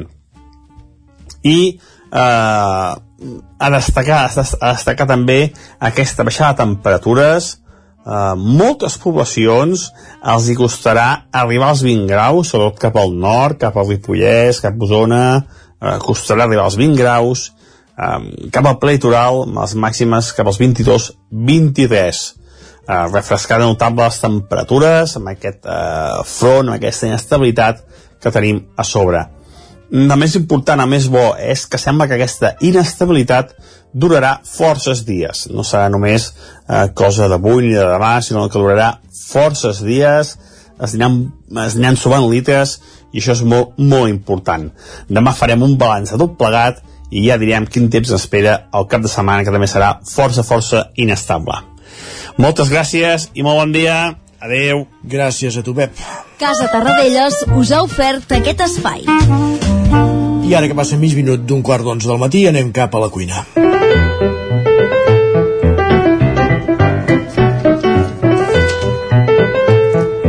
Avui a la Foc Lent anem a una codinenca on ens endinsarem dins la fàbrica de pasta artesana que eh, Pastes Sant Martí de Caldes de Montbui, una empresa de més de 3 segles d'història elaborant pastes i que ha sabut sobreviure al pas del temps i adaptar-se a les noves tendències. En Roger Rams ha pogut visitar les seves instal·lacions i conversar amb el seu actual gerent, en Carles Sant Martí. Roger, benvingut de nou. Doncs avui estem aquí amb eh, Carles Sant Martí Rifé, gerent de Pasta Sant Martí, d'aquí de Caldes de Montbui, una empresa que és més que centenària, de fet fa més de 3 segles que està aquí a, al vell mig de, de Caldes Carles, gràcies per atendre'ns aquí als micròfons d'Ona Codinenca. Uh, Pasta Sant Martí és una empresa icona eh, de Caldes de Montbui. Sou fideuers des de fa més de 300 anys, 300 anys, que això es diu, es diu ràpid. Uh, ens pots explicar com, com va sorgir aquesta empresa de Pasta Sant Martí i quin va ser el fundador? Com, com, com es va gestar tot plegat? Bueno, en principi va ser el, el començament del segle XVIII quan Isidre Sant Martí, que va ser el primer fideuer reconegut de casa nostra, doncs va començar experimentant amb, les, amb la farina en aquell moment i l'aigua l'aigua calenta, l'aigua termal, va començar a experimentar i va veure que hi havia unes possibilitats doncs, de fer un tipus diferent del pa que es feia en aquest moment, no? I va començar a experimentar fins que va, realment va sortir els fideus, que en aquest moment eren, eh, per dir-ho d'alguna manera, els espagueti d'avui, uns cordons molt llargs, que deien cordons, en deien espagueti, i que els quals eh, costava, o sigui, es feien, però el que tenia la dificultat era el secatge, que al ser tan llargs doncs costava molt de secar-se. Llavors van, van, van, van tenir l'opció doncs, de, de, de trossejar aquests, aquests espagueti, aquests cordons, fent unes porcions petitetes, que llavors sí que s'ha de donar compte que fent aquestes porcions petitetes el secatge era molt més molt més acceptable i el pasta un cop seca doncs durava molt més i tal no?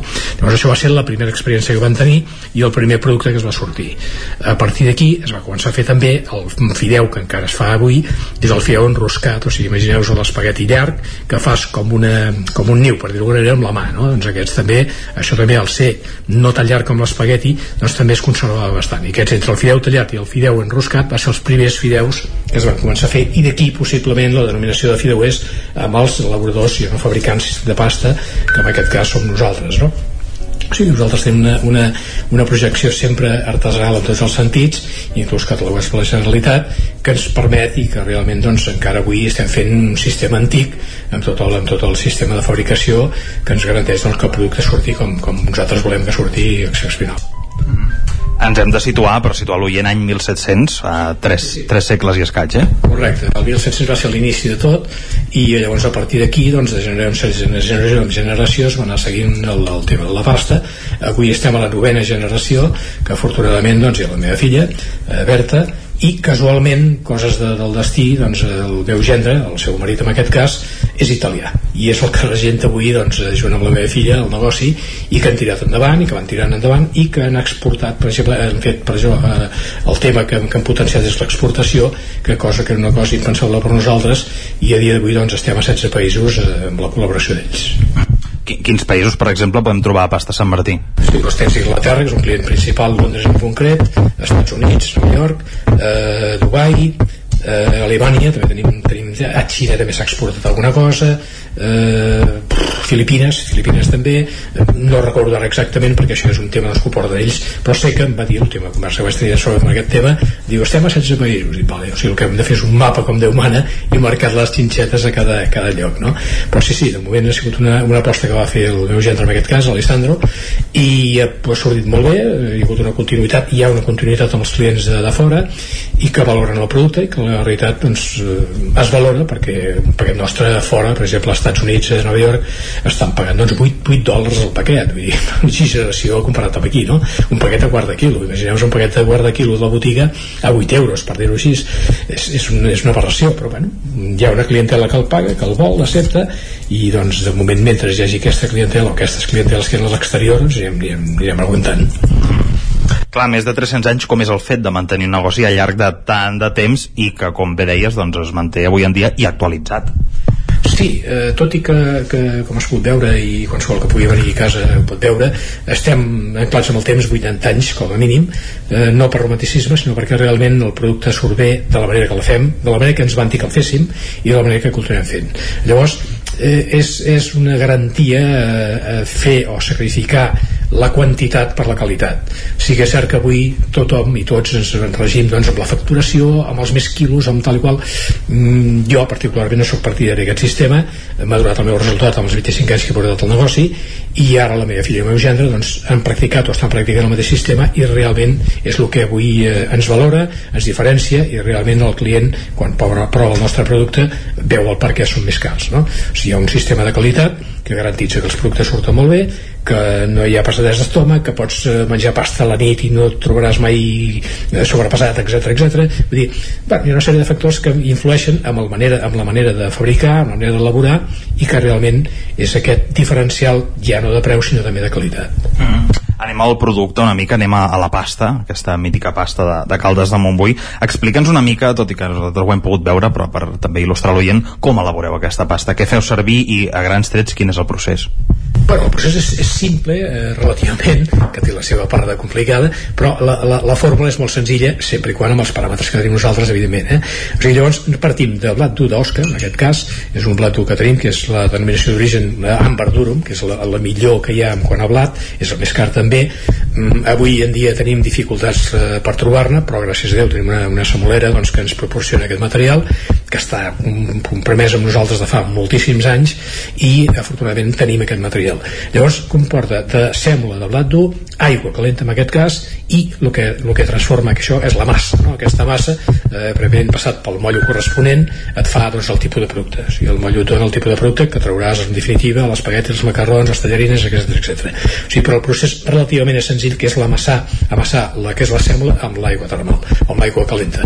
El que sí que és cert que hi ha uns paràmetres que això eh, evidentment ja el maquinista que ho sap, nosaltres que ho sabem, però poca gent més, que són les, les, les proporcions, els 100% que has de posar d'aigua o has de posar de, de sèmola. No? Això és una cosa que es diferencia amb els altres, que tothom té un tiratge i van tirant. No? Nosaltres, per cada tipus de producte, eh, hi ha un, uns components, un tant per cent d'això, un tant per cent de l'altre, i la part després més important és la part del secatge, que és una part vital, que és la més complicada, aquesta sí que és complicada, perquè hem de tenir una sala doncs, amb uns paràmetres sempre d'una un, temperatura de 30 graus i la humitat eh, per secar la pasta entre 35 i 50-60 vegades per cent d'humitat perquè la pasta sequi bé.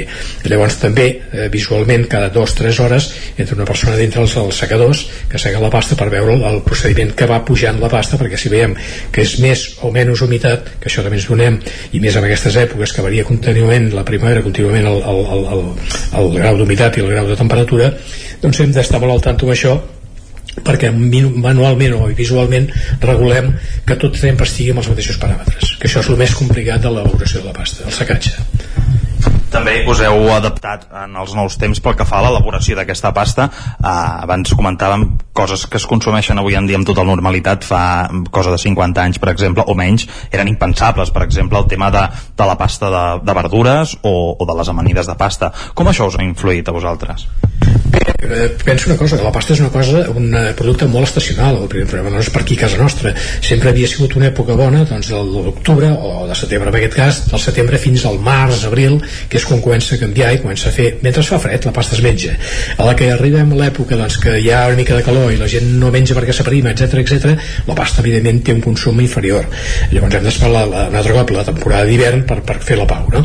però el que sí que és cert que amb, el, amb la novetat que hi va haver fa uns anys, ja fa bastants anys de la pasta vegetal, la pasta de colors maldita de colors, nosaltres fem vegetal no posem cap tipus d'additiu ni conservant eh, ni colorant, llavors nosaltres partim de la pasta de vegetal que en diem nosaltres de la pasta de sembla, que és la blanca la de, de verdures la d'espinacs, que és la verda i la de tomàquet, que és la vermella que llavors aquestes tres són les barreges que es fa amb el paquet que és la pasta vegetal, que és la aquesta de colors que es fa principalment per les avenides d'estiu. Això ens ha comportat doncs, que aquest, aquest, aquest temps o aquest, aquest període de temps que inferior de, de produccions i inferior de demanda perquè doncs, la pasta engreixa la pasta no sé quines quantos bueno, ens ha proporcionat doncs, que a l'estiu també hi ha un consum eh, bastant bo d'aquest tipus de producte i ens, ens, ens amortiga una miqueta doncs, la, la mala època diguem de la pasta que és l'època de primavera i estiu que són els moments difícils per nosaltres eh? però bueno, en definitiva, ja dic, entre exportacions aquest tema de la pasta vegetal, la pasta integral també, en fi, etc etc vull dir, anem sortint. Quines varietats eh, feu, quantes en feu? Perquè, clar, el, el fideu imagino que és una mica l'estrella. També potser el galet, que teniu aquí fora gegant penjat i que tothom es fa fotografies quan passeja per Caldes. Eh, Explica'ns una mica quantes i quines varietats i quina és la que diries tu que té millor tirada. Bueno, de varietats, avui tenim 52 varietats diferents, que vol dir 52 eh, productes diferents, o sigui, de formes, eh? O sigui, la pasta en definitiva mm, no deixa de ser la mateixa, però amb de formes diferents, que no és el mateix menjar un macarró que menjar, doncs, un espagueti, tot i que la pasta és la mateixa. El que passa que els mollos donen la forma eh, a cada producte i hi ha molta gent, doncs, que per, per raons X prefereix menjar més uns macarrons que no pas doncs, un, un, un galatet o etc etc. no? Llavors aquests, en formes, en formes diferents tenim 52 productes diferents. I el que realment és el, el, el producte estrella de sempre, perdó, el producte estrella de sempre i que és el que més demanda té i el que surt durant tot l'any és el macarró. El macarró és el rei. O sigui, on està el macarró no pots res més perquè no hi ha res que pugui comparar ni pugui eh, substituir aquest producte.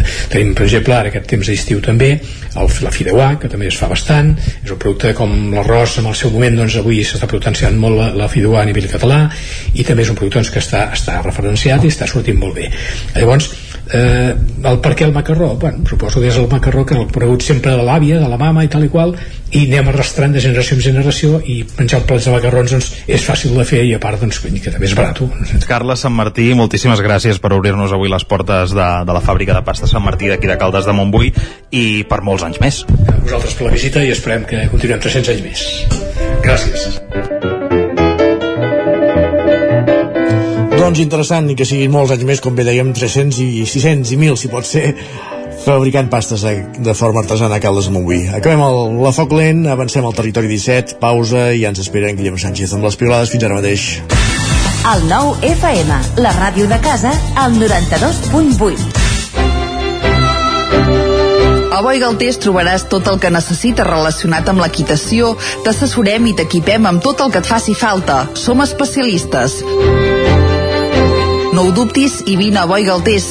Ens trobaràs al carrer Jaume I de Vic, número 5, al 93 886 1420, a la nostra web www.boigaltés.es i també som a Instagram, boigaltés.equitació.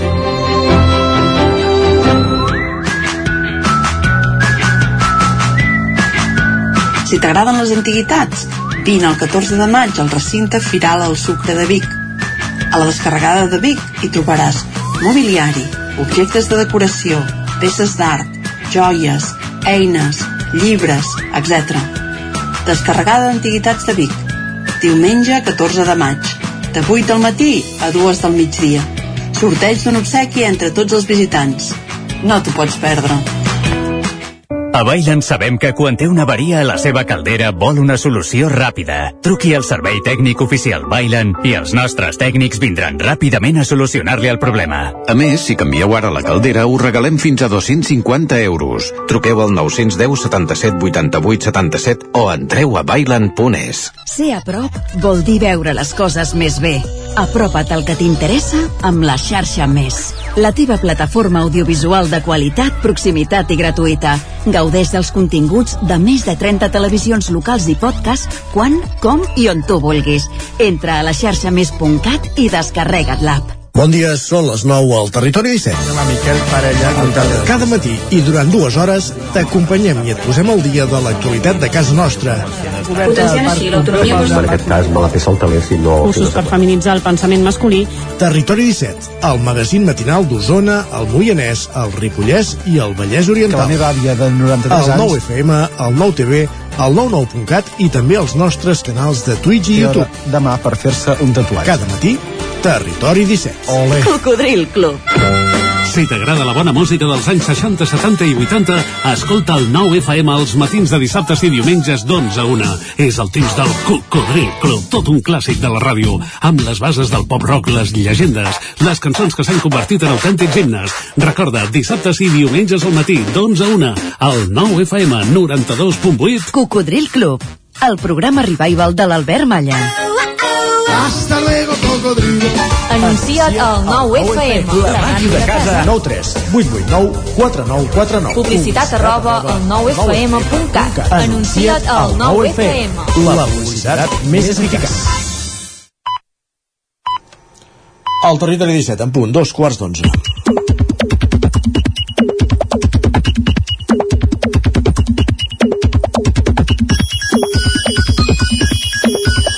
I saludem a aquesta hora en Guillem Sánchez, que ja el tenim assegut als estudis del 9FM. Benvingut, Guillem.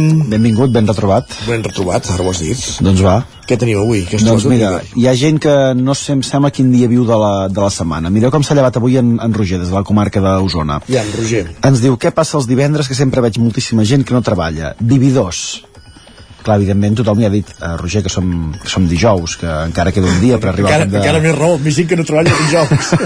I en Roger respon, diu, avui sí, però molta gent diu que per ells ja és divendres. ah, molt bé.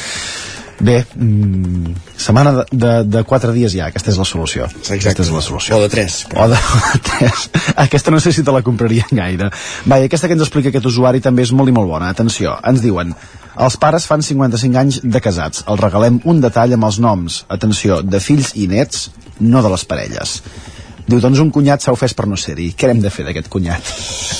Mm, Bona pregunta, bona pregunta. Saps, als monitors de l'ordinador hi ha un espai que diu papelera de reciclatge. O que preguntin ara ja no hi ha no, aquell, aquell clip que tenies amb l'ordinador per fer-li preguntes i per fer-li consultes.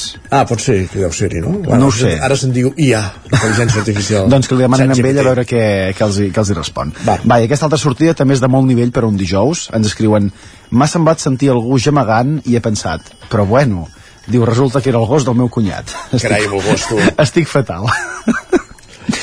I va, em sento tan identificat amb el comentari d'en Marc que em sembla que m'està descrivint a mi, a mi també. Ens, ens diu, ara cada matí al bus, quan em toca baixar a Barcelona a currar, em plantejo com ho aguantava fer-ho cada dia per anar a la universitat havent, havent dormit 5 hores. Que tu no estàs agafar el bus per anar a treballar a Barcelona. No, no, però tinc aquesta sensació també que hi ha gent que eh, si fer aquest trajecte per anar a estudiar eh, és més dur un cop vist en perspectiva, un cop sí, sí. ho has passat que no pas quan ho estaves vivint en el seu moment. Isaac, per cert, Això vol dir també que els humans doncs, ens adaptem a les coses. ens adaptem a tot, a vegades a condicions que no ens hauríem d'adaptar, també s'ha de dir això. Va, Isaac, per cert, tu ets dels de planificar coses a la No, vida? zero, zero. Zero? Doncs mira, la segona usuari ens comparteix ja el que farà durant tot el dia d'avui. Ens diu, agenda d'avui, arribar a Vic, menjar-me les gates a petons, rentadores, massatge i allitamenta. Oh, clar, però aquesta que dius tu torna de Nova York. a dormir hores, no? A dormir hores una mica. Exacte. Va, i l'Hèctor em sembla que tot i voler planificar ho està passant, podríem dir, una mica pitjor aquests dies a casa. El llegim, ens diu ojo, ojo com, com, com comença, eh? visca el català correcte. Lo de que el bany relaxa les criatures mai m'ha funcionat. Diu, després de mitja hora de banyera les tenim corrent, conilles per casa, la gran cridant socorro jou i la petita cantant a crits despetxar amb una fonètica sorprenentment acurada. Què he de fer? Res, tornar a començar. Tornar-les a banyar o...? No, no. Tornar més enrere encara.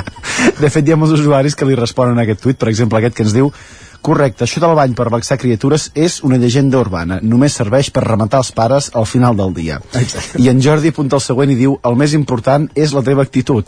Si et veuen nerviós, merda. Posa't zen el pròxim dia. A mi em funciona dues de cada tres vegades. Veus? No sabem si la que no li funciona Exacte. encara és pitjor Exacte. del que ens deia ara mateix l'Hèctor.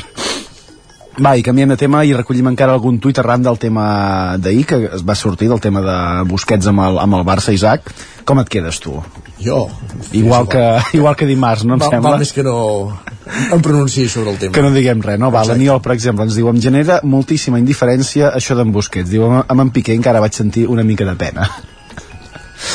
No, però és que ja amb tot té un final a la vida, no? I en Busquets també un dia o altre s'havia d'acabar. I s'ha de saber posar punt i final també a les coses. Exacte. Clar, i com que no poses punt i finals perquè t'ho deixen decidir tu i tens el sou més alt de la plantilla, una cosa desorbitada en el panorama futbolístic actual, doncs mira... Doncs mira, llavors poden passar aquestes coses. Exacte. L'Edgar hi afegeix, diu, ahir reflexionava que amb la marxa de Busquets només queda Lewandowski de més vell que jo al vestidor del Barça, fins que vaig comprovar que el malparit és del 88. I l'Anna ens apunta, diu, l'altre dia va debutar un xaval més jove que el meu fill, això sí, que és una mica dramàtic. És que clar, si ens comencem a, a fixar amb les edats, amb les coses que canvien i amb les edats de la, de la gent, acabarem, Sí, sí. acabarem patint. Va, i acabem la secció aquesta setmana de piulades amb un consell de l'Anna, que ens escriu, penso que és millor la qualitat que la quantitat, i això pot aplicar-se a un entrepà d'ibèric, al nombre de mans o al temps que et queda de vida. Jo em quedo amb la primera. Jo em quedo amb la d'un bon entrepà d'ibèric. I, per començar i, i aquí no farien diferències entre qualitat i quantitat. No, i tant que no. Si és de qualitat i a, a sobre n'hi ha molta quantitat, també també ens està bé. Ai, senyor, com som. Va. Va gràcies, Guillem. Que vagi Bon cap de setmana. Igualment.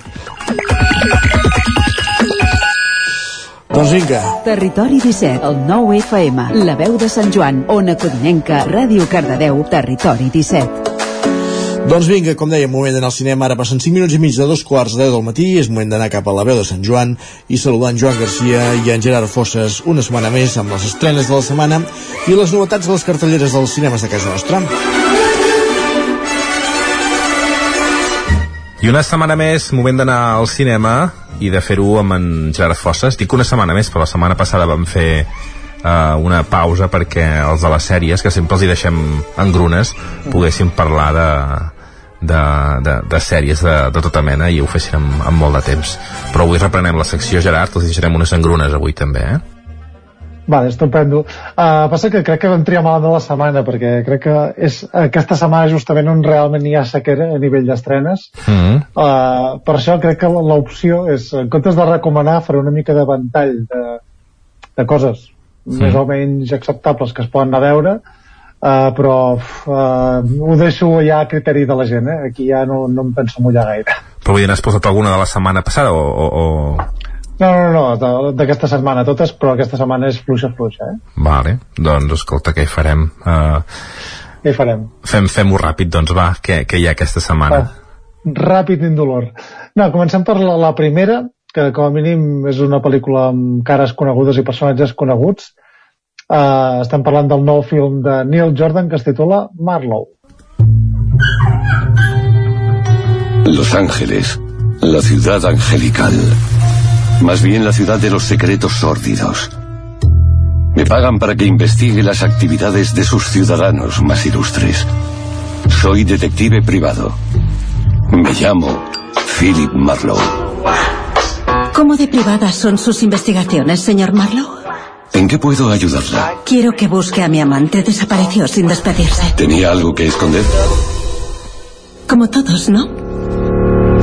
Molt bé, explica'ns, a veure, què, de què va? ¿Qué es lo que quiere? Bé, aquesta pel·lícula és, és una adaptació de- d'aquestes uh, novel·les uh, bueno, d'aquest personatge creat per Raymond Chandler que era el, el detectiu Philip Marlowe que això, eh, debutava pels baixos fons de Los Angeles dels anys 30 adaptant una novel·la en aquest cas de, de John Banville que és un personatge que ha tingut moltíssima continuïtat no? seria com una mena de, de Sherlock Holmes però dintre del cinema més uh, negre. I en aquest cas està interpretat per, per Liam Neeson i que, que comparteix un repartiment amb Diane Kruger i, i Jessica Lange. Um, bé, en aquest cas és la, la història d'aquest Philip Marlowe que bé, s'embranca amb una història de detectius que ha de trobar uh, l'examant de- d'una estrella de cine amb, té, té, té un problema també amb la filla i tot això desencadena una, una xarxa d'enganys i confusions. Um, és una pel·lícula que, que més interessant bàsicament és aquest repartiment, Liam Neeson, Diane Kruger i Jessica Lange, i aquests aires clàssics que, que recupera una mica l'estil de LA Confidential a, a un nivell molt diferent eh, cinematogràficament. Eh, però bé, és un experiment una mica estrany, una producció molt petita. Crec que no aconsegueix assolir el to, el ritme o els, o els codis del gènere que volia buscar però bé, com a mínim és una proposta mm, prou interessant dintre del que molt bé, doncs que, aquesta és la primera. On la podrem veure, aquesta? Aquesta la podrem veure al Sucre de Vic. Molt bé, doncs uh, seguim. Uh, quina és la segona proposta? Anem amb la segona proposta, uh, proposta no recomanació, recordem-ho, uh, que és una altra pel·lícula que destaca sobretot pel seu repartiment, no per la seva qualitat. Estem parlant d'una seqüela que es titula Book Club a Hora Itàlia. La vida es como las buenas novelas. Nunca sabes lo que pasará en el capítulo siguiente. ¡Hola! ¡Hola! Una pregunta, ¿por qué llevas guantes? Oh, ¿Qué? Oh, por Dios, estás prometida. ¿Cuándo ha sido? Fue anoche. Ya sabes lo que significa. Despedida de soltera. El libro dice, no podemos rechazar nuestro destino. ¿Deberíamos ir todas a Italia? ¿Italia? De que va, no conec ni la primera, la veritat. Ah, jo tampoc la coneixia, bueno, l'havia sentit anomenar, però, però vaja, és, eh, bàsicament és un grup de quatre amigues que tenen un club de lectura. La primera part, la premissa simplement són dones ja d'avançada edat, i la primera part consistia en que eh, es llegien juntes a 50 sombres de Grey, aquest era l'interès, no? aquest, eh, aquest punt picantó innocent que tenen a vegades els americans, i en aquest cas eh, és també club de lectura, però en aquest cas es traslladen a Itàlia amb un viatge de noies, perquè una d'elles està promesa, i, i bé, són, és una comèdia d'aquestes de viatges amb aquest exotisme, en aquest cas eh, portat a Itàlia. Quin és l'interès? Doncs vaja, bàsicament veure juntes en pantalla de Ian Keaton i Jane Fonda, que són dos mites absoluts de, del cinema Hollywood als, als anys 70, els acompanya també Don Johnson, Andy Garcia, per exemple, però bé, és, és aquestes comèdies de plantilla que funciona bé, diguem, a, a nivell eh, comercial, però que vaja, tampoc té, té massa interès. Eh, és, és d'aquell tipus de pel·lícules de, que en diríem de, de sobretaula, no? De, per, per fer la migdiada o per passar un diumenge a la tarda sense pensar, doncs està una mica enfocada en aquesta direcció. Molt bé. Doncs on, on no hem d'anar per no veure-la? Aquesta no hem d'anar ni al sucre de Vic ni a la fita de Granollers. Perfecte, molt bé. Però, però bé, aviam, uh, matitzem que sí que aneu al cinema, si us plau, no cal que aneu a veure aquestes, però hi ha més ofertes en cartellera, eh? Aquí només parlem de les estrats. Aquesta segurament, la, la que ve ara segur que t'agradarà més a tu, eh? Sí, aquesta, bueno, també una mica fallida, va, és una pel·lícula que, que ja fa uns anys que intenta voltar, i al final, no sé com, ha trobat una estrena d'Espanya, i és una seqüela també, en aquest cas una quarta part, d'una saga de terror bastant popular, tot i que més enllà de la primera part no, no té massa història. Es titula Jeepers Creepers El Renacer. El Creeper solo vuelve cada 23 años. Es una leyenda local, ¿no? No hay salida. cojones es esto? ¡Ayuda! ¡Lane! ¡Vamos! ¡Corred! ¡No! ¡No! ¡Ya viene!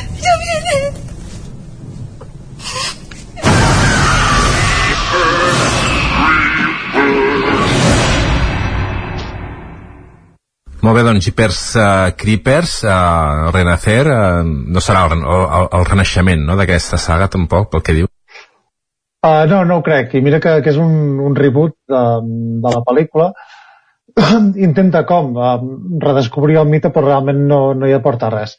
Uh, la criatura aquesta que mencionen de The Creeper és una mena de home insecte estrany que apareix cada 27 anys uh, per les carreteres àrides dels Estats Units i devora bueno, doncs, a, a la gent que es troba no? durant una nit i, i bé, diguem que una pel·lícula que va tenir bastant èxit el 2001 per la seva originalitat, però també per la seva proposta així d'entreteniment, violència, etc.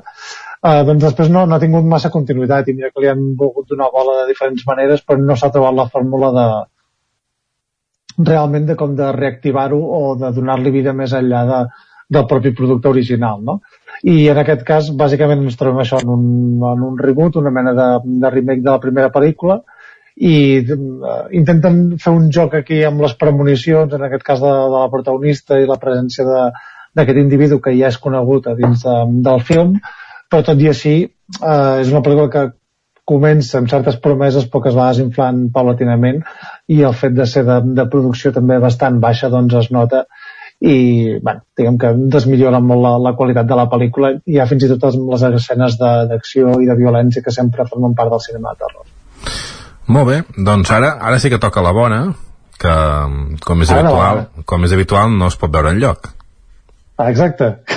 Recuperem aquesta secció d'arqueologia i d'exploració pels, per les estrenes i tampoc és que estiguem davant d'una gran pel·lícula, però a mi m'agrada celebrar que, que s'estrenen westerns i que s'estrena una pel·lícula, en aquest cas de Walter Hill, eh, mític director, que es titula El cazador de recompenses.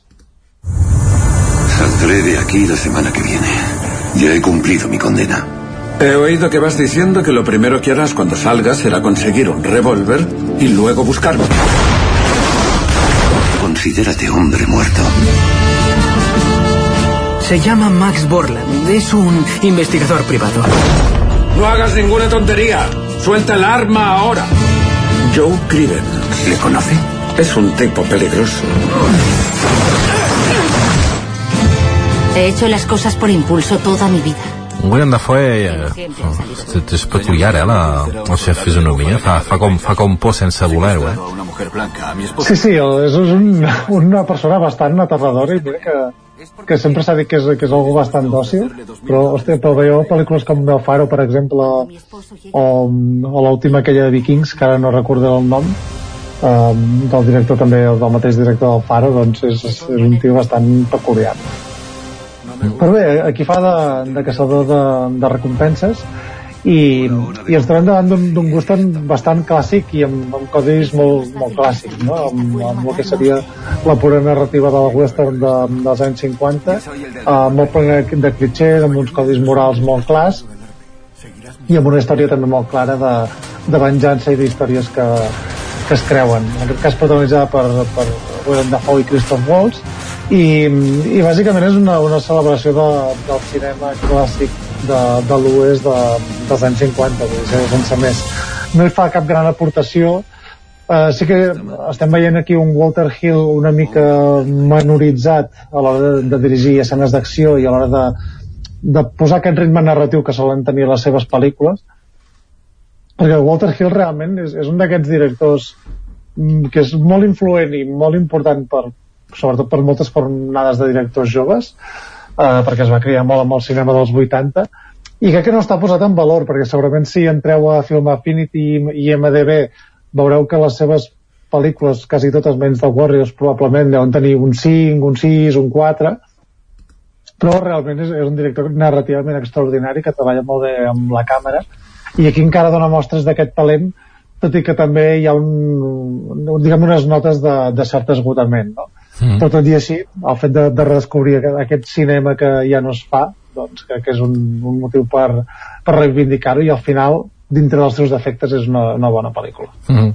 Mm, que no, no, no, no apareix pels nostres cinemes, però s'estrena a sales, a, a plataformes o... No, s'estrena en sales i suposo que tindrà una arribada aviat a plataformes perquè és, serà una estrena, suposo, molt localitzada amb alguns cines de, de gran ciutat i poc. Molt bé. Doncs, uh, si et sembla, fem un repàs ara a la, a la, a la cart... Ah, no, espera't, tenim una notícia, eh? Sí, només mencionar-ho perquè diguem que ens pilla entremig de l'actualitat i simplement comentar que el dimarts que ve comença ja el Festival de, de Cants, eh, recordeu que és el festival de cinema més, més important que se celebra al món, que és dona el tret de sortida, diguem, a les grans estrenes de, que vindran al llarg de l'any i ja ho comentarem això a partir de la setmana que ve i començarem a veure, a veure quines pel·lícules s'han comentat, no en aquest cas en directe com, com fem a Sitges per exemple amb el Festival Nit de Vic o Molins uh, que en aquest el seguirem a distància però, però sempre amb interès perquè es projecten pel·lícules molt interessants i veurem quins, quins comentaris ens arriben molt bé. Doncs anem a fer un repàs ara sí a la resta de la cartellera. A Ripoll, al cinema Comtal, 20.000 especies de i El exorcista del papa. Sí, l'exorcista del papa la recomano molt perquè és una pel·lícula absolutament absurda i delirant, amb Russell Crowe que se'n va fer exorcismes per a Espanya amb, amb un barret i una vespa, per tant, espectacular. I 20.000 espècies d'abejas és, és un, un drama d'aquests que, que ha sortit recentment al cinema espanyol, va passar pel Festival de Berlín i parla sobre les crisis d'identitat que arriben a, a qualsevol edat. El casal Camprodoni, El Hijo. Aquesta és com una mena de continuació, pel·lícula del mateix univers del Padre, pel·lícula per la qual va guanyar l'Oscar Anthony Hopkins, eh, també dirigida per Florian Zeller, basada en un llibre seu, però en aquest cas és una pel·lícula, eh, diguem, bastant menor. També tracta el tema de la salut mental i en aquest cas està protagonitzada per Hugh Jackman. El cinema a Catalunya de Ribes, Hamlet, l'òpera. Sí, en aquest cas eh, tornen a, a l'òpera, eh, a Ribes de Freser, i em fa gràcia perquè han fet com una, una aposta per, per portar grups i hi ha una oferta de, de 49 euros per 5 entrades eh, que poden compartir i t'ofereixen una copa de cava per durar l'espectacle. O sigui, és una, una bona iniciativa. A l'Esbarjo de Cardedeu Alternatives i Blue Jean. Sí, Alternatives és una sessió de, de cinefòrum que, que es basa en el tema de l'eficiència energètica, que és una sessió especial que es fa eh, el 10 de maig, i uh, Blue Jean ja sí que és, que és ja una, una pel·lícula també que parla sobre el tema de la identitat sexual uh, en aquest cas amb una professora d'institut que, és, que és lesbiana i, i tinguent en compte que ens situem al Regne Unit a, a finals dels anys 80 que diguem que és aquesta època d'auge també de, de la sida i de més i on, on la sexualitat encara era un tabú. Molt bé, anem al cinema a l'Ambra de la Garriga, te les deixo dir totes a tu Vinga, de, de traca, doncs eh, fan els Tres Mosqueters, aquesta versió nova de, del cinema francès. Uh, Libres, uh, una pel·lícula espanyola així bastant eclèctica. Uh, llavors tenim reposicions de clàssics com Dersu Usala i El senyor dels anells, clàssics molt, molt diferents. I per quarta setmana consecutiva, uh, Super Mario Bros. i per no sé quanta setmana consecutiva que no hi ha asbestes. Sí. A l'Alter de Torelló, París Distrito 13. Sí, aquesta és una pel·lícula de, de Jacques Audiard, el gran director francès, uh, justament una pel·lícula que va estar a concurs a Cannes fa un parell d'anys, i bé, l'oportunitat de poder-la rescatar a Torelló. I per últim, al Cineclub de Vic, El Agua.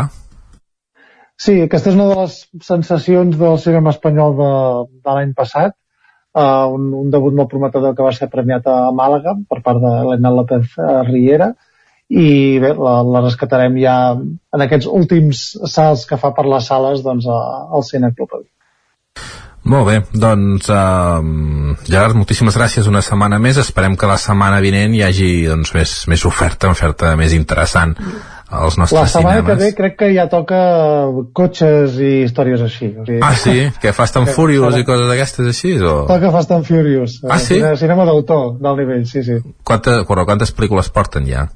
Uh, van, van per la desena. Mm, això ja és una sèrie, això, no és un, això ja hauríem de deixar pels, això... pels que venen després. Uh, ja, ja, ja en parlarem, eh? perquè em, em sembla... O sigui, no deixen mai de sorprendre'm aquesta saga. Ja, ja en comentem la setmana que ve. Molt bé. Doncs Gerard, moltíssimes gràcies. Adéu-siau. Vinga, moltes gràcies. Fins la setmana que ve. Acabem aquí amb el cinema, 6 minuts per arribar al punt, 8 minuts per arribar al punt de les 11 del matí i avui, a falta de recomanacions de sèries per incompareixences, el que farem serà arribar al punt de les 11 amb música.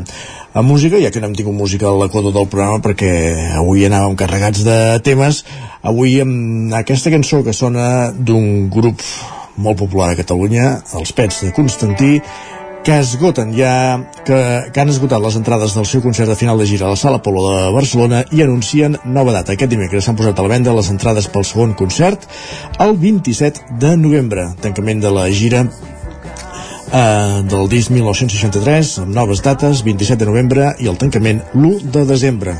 Aquest últim concert amb dates ja exaurides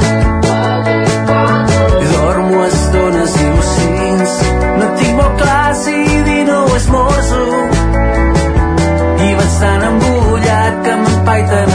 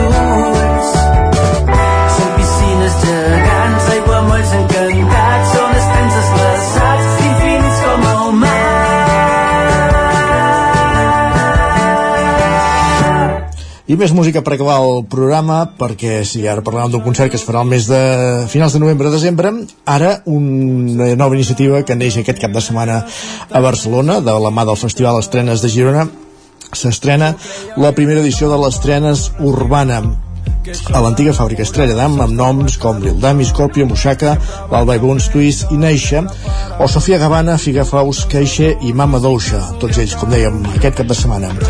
En tres escenaris, l'antiga fàbrica Estrella d'Am en aquesta nova edició, primera edició d'Estrenes Urbana i com dèiem amb noms propis com el de Lil Dami. Amb ell fins a la fi del programa.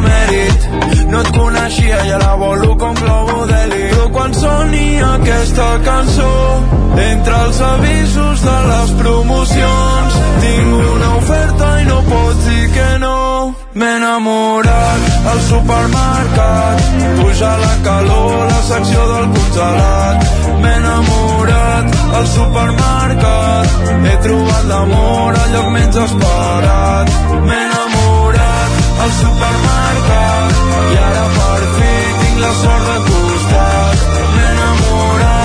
al supermercat de com has deixat el cor supermercat.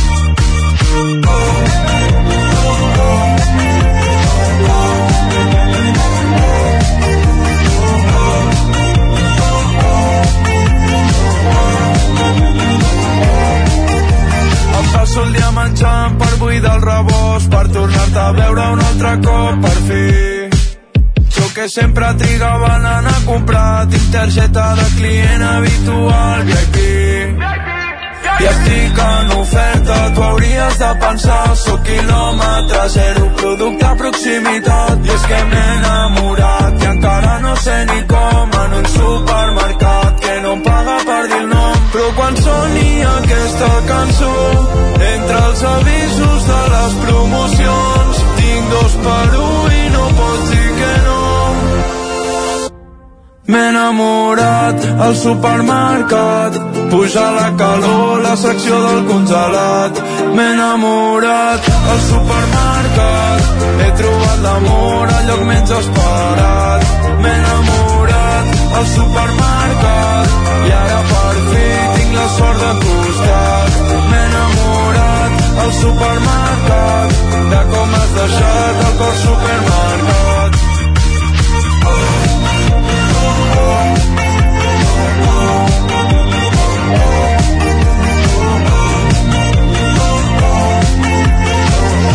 Doncs així, amb música, acabem el territori 17 d'aquest matí de dijous 11 de maig de 2023.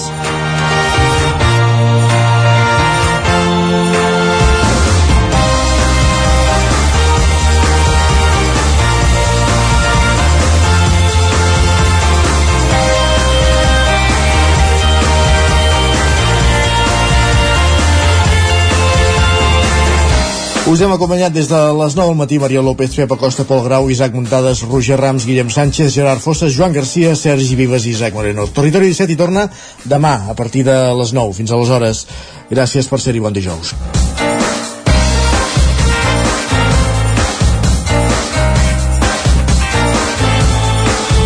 Territori 17, un magazín del nou FM. La veu de Sant Joan, Ona Codinenca i Ràdio Cardedeu amb el suport de la xarxa.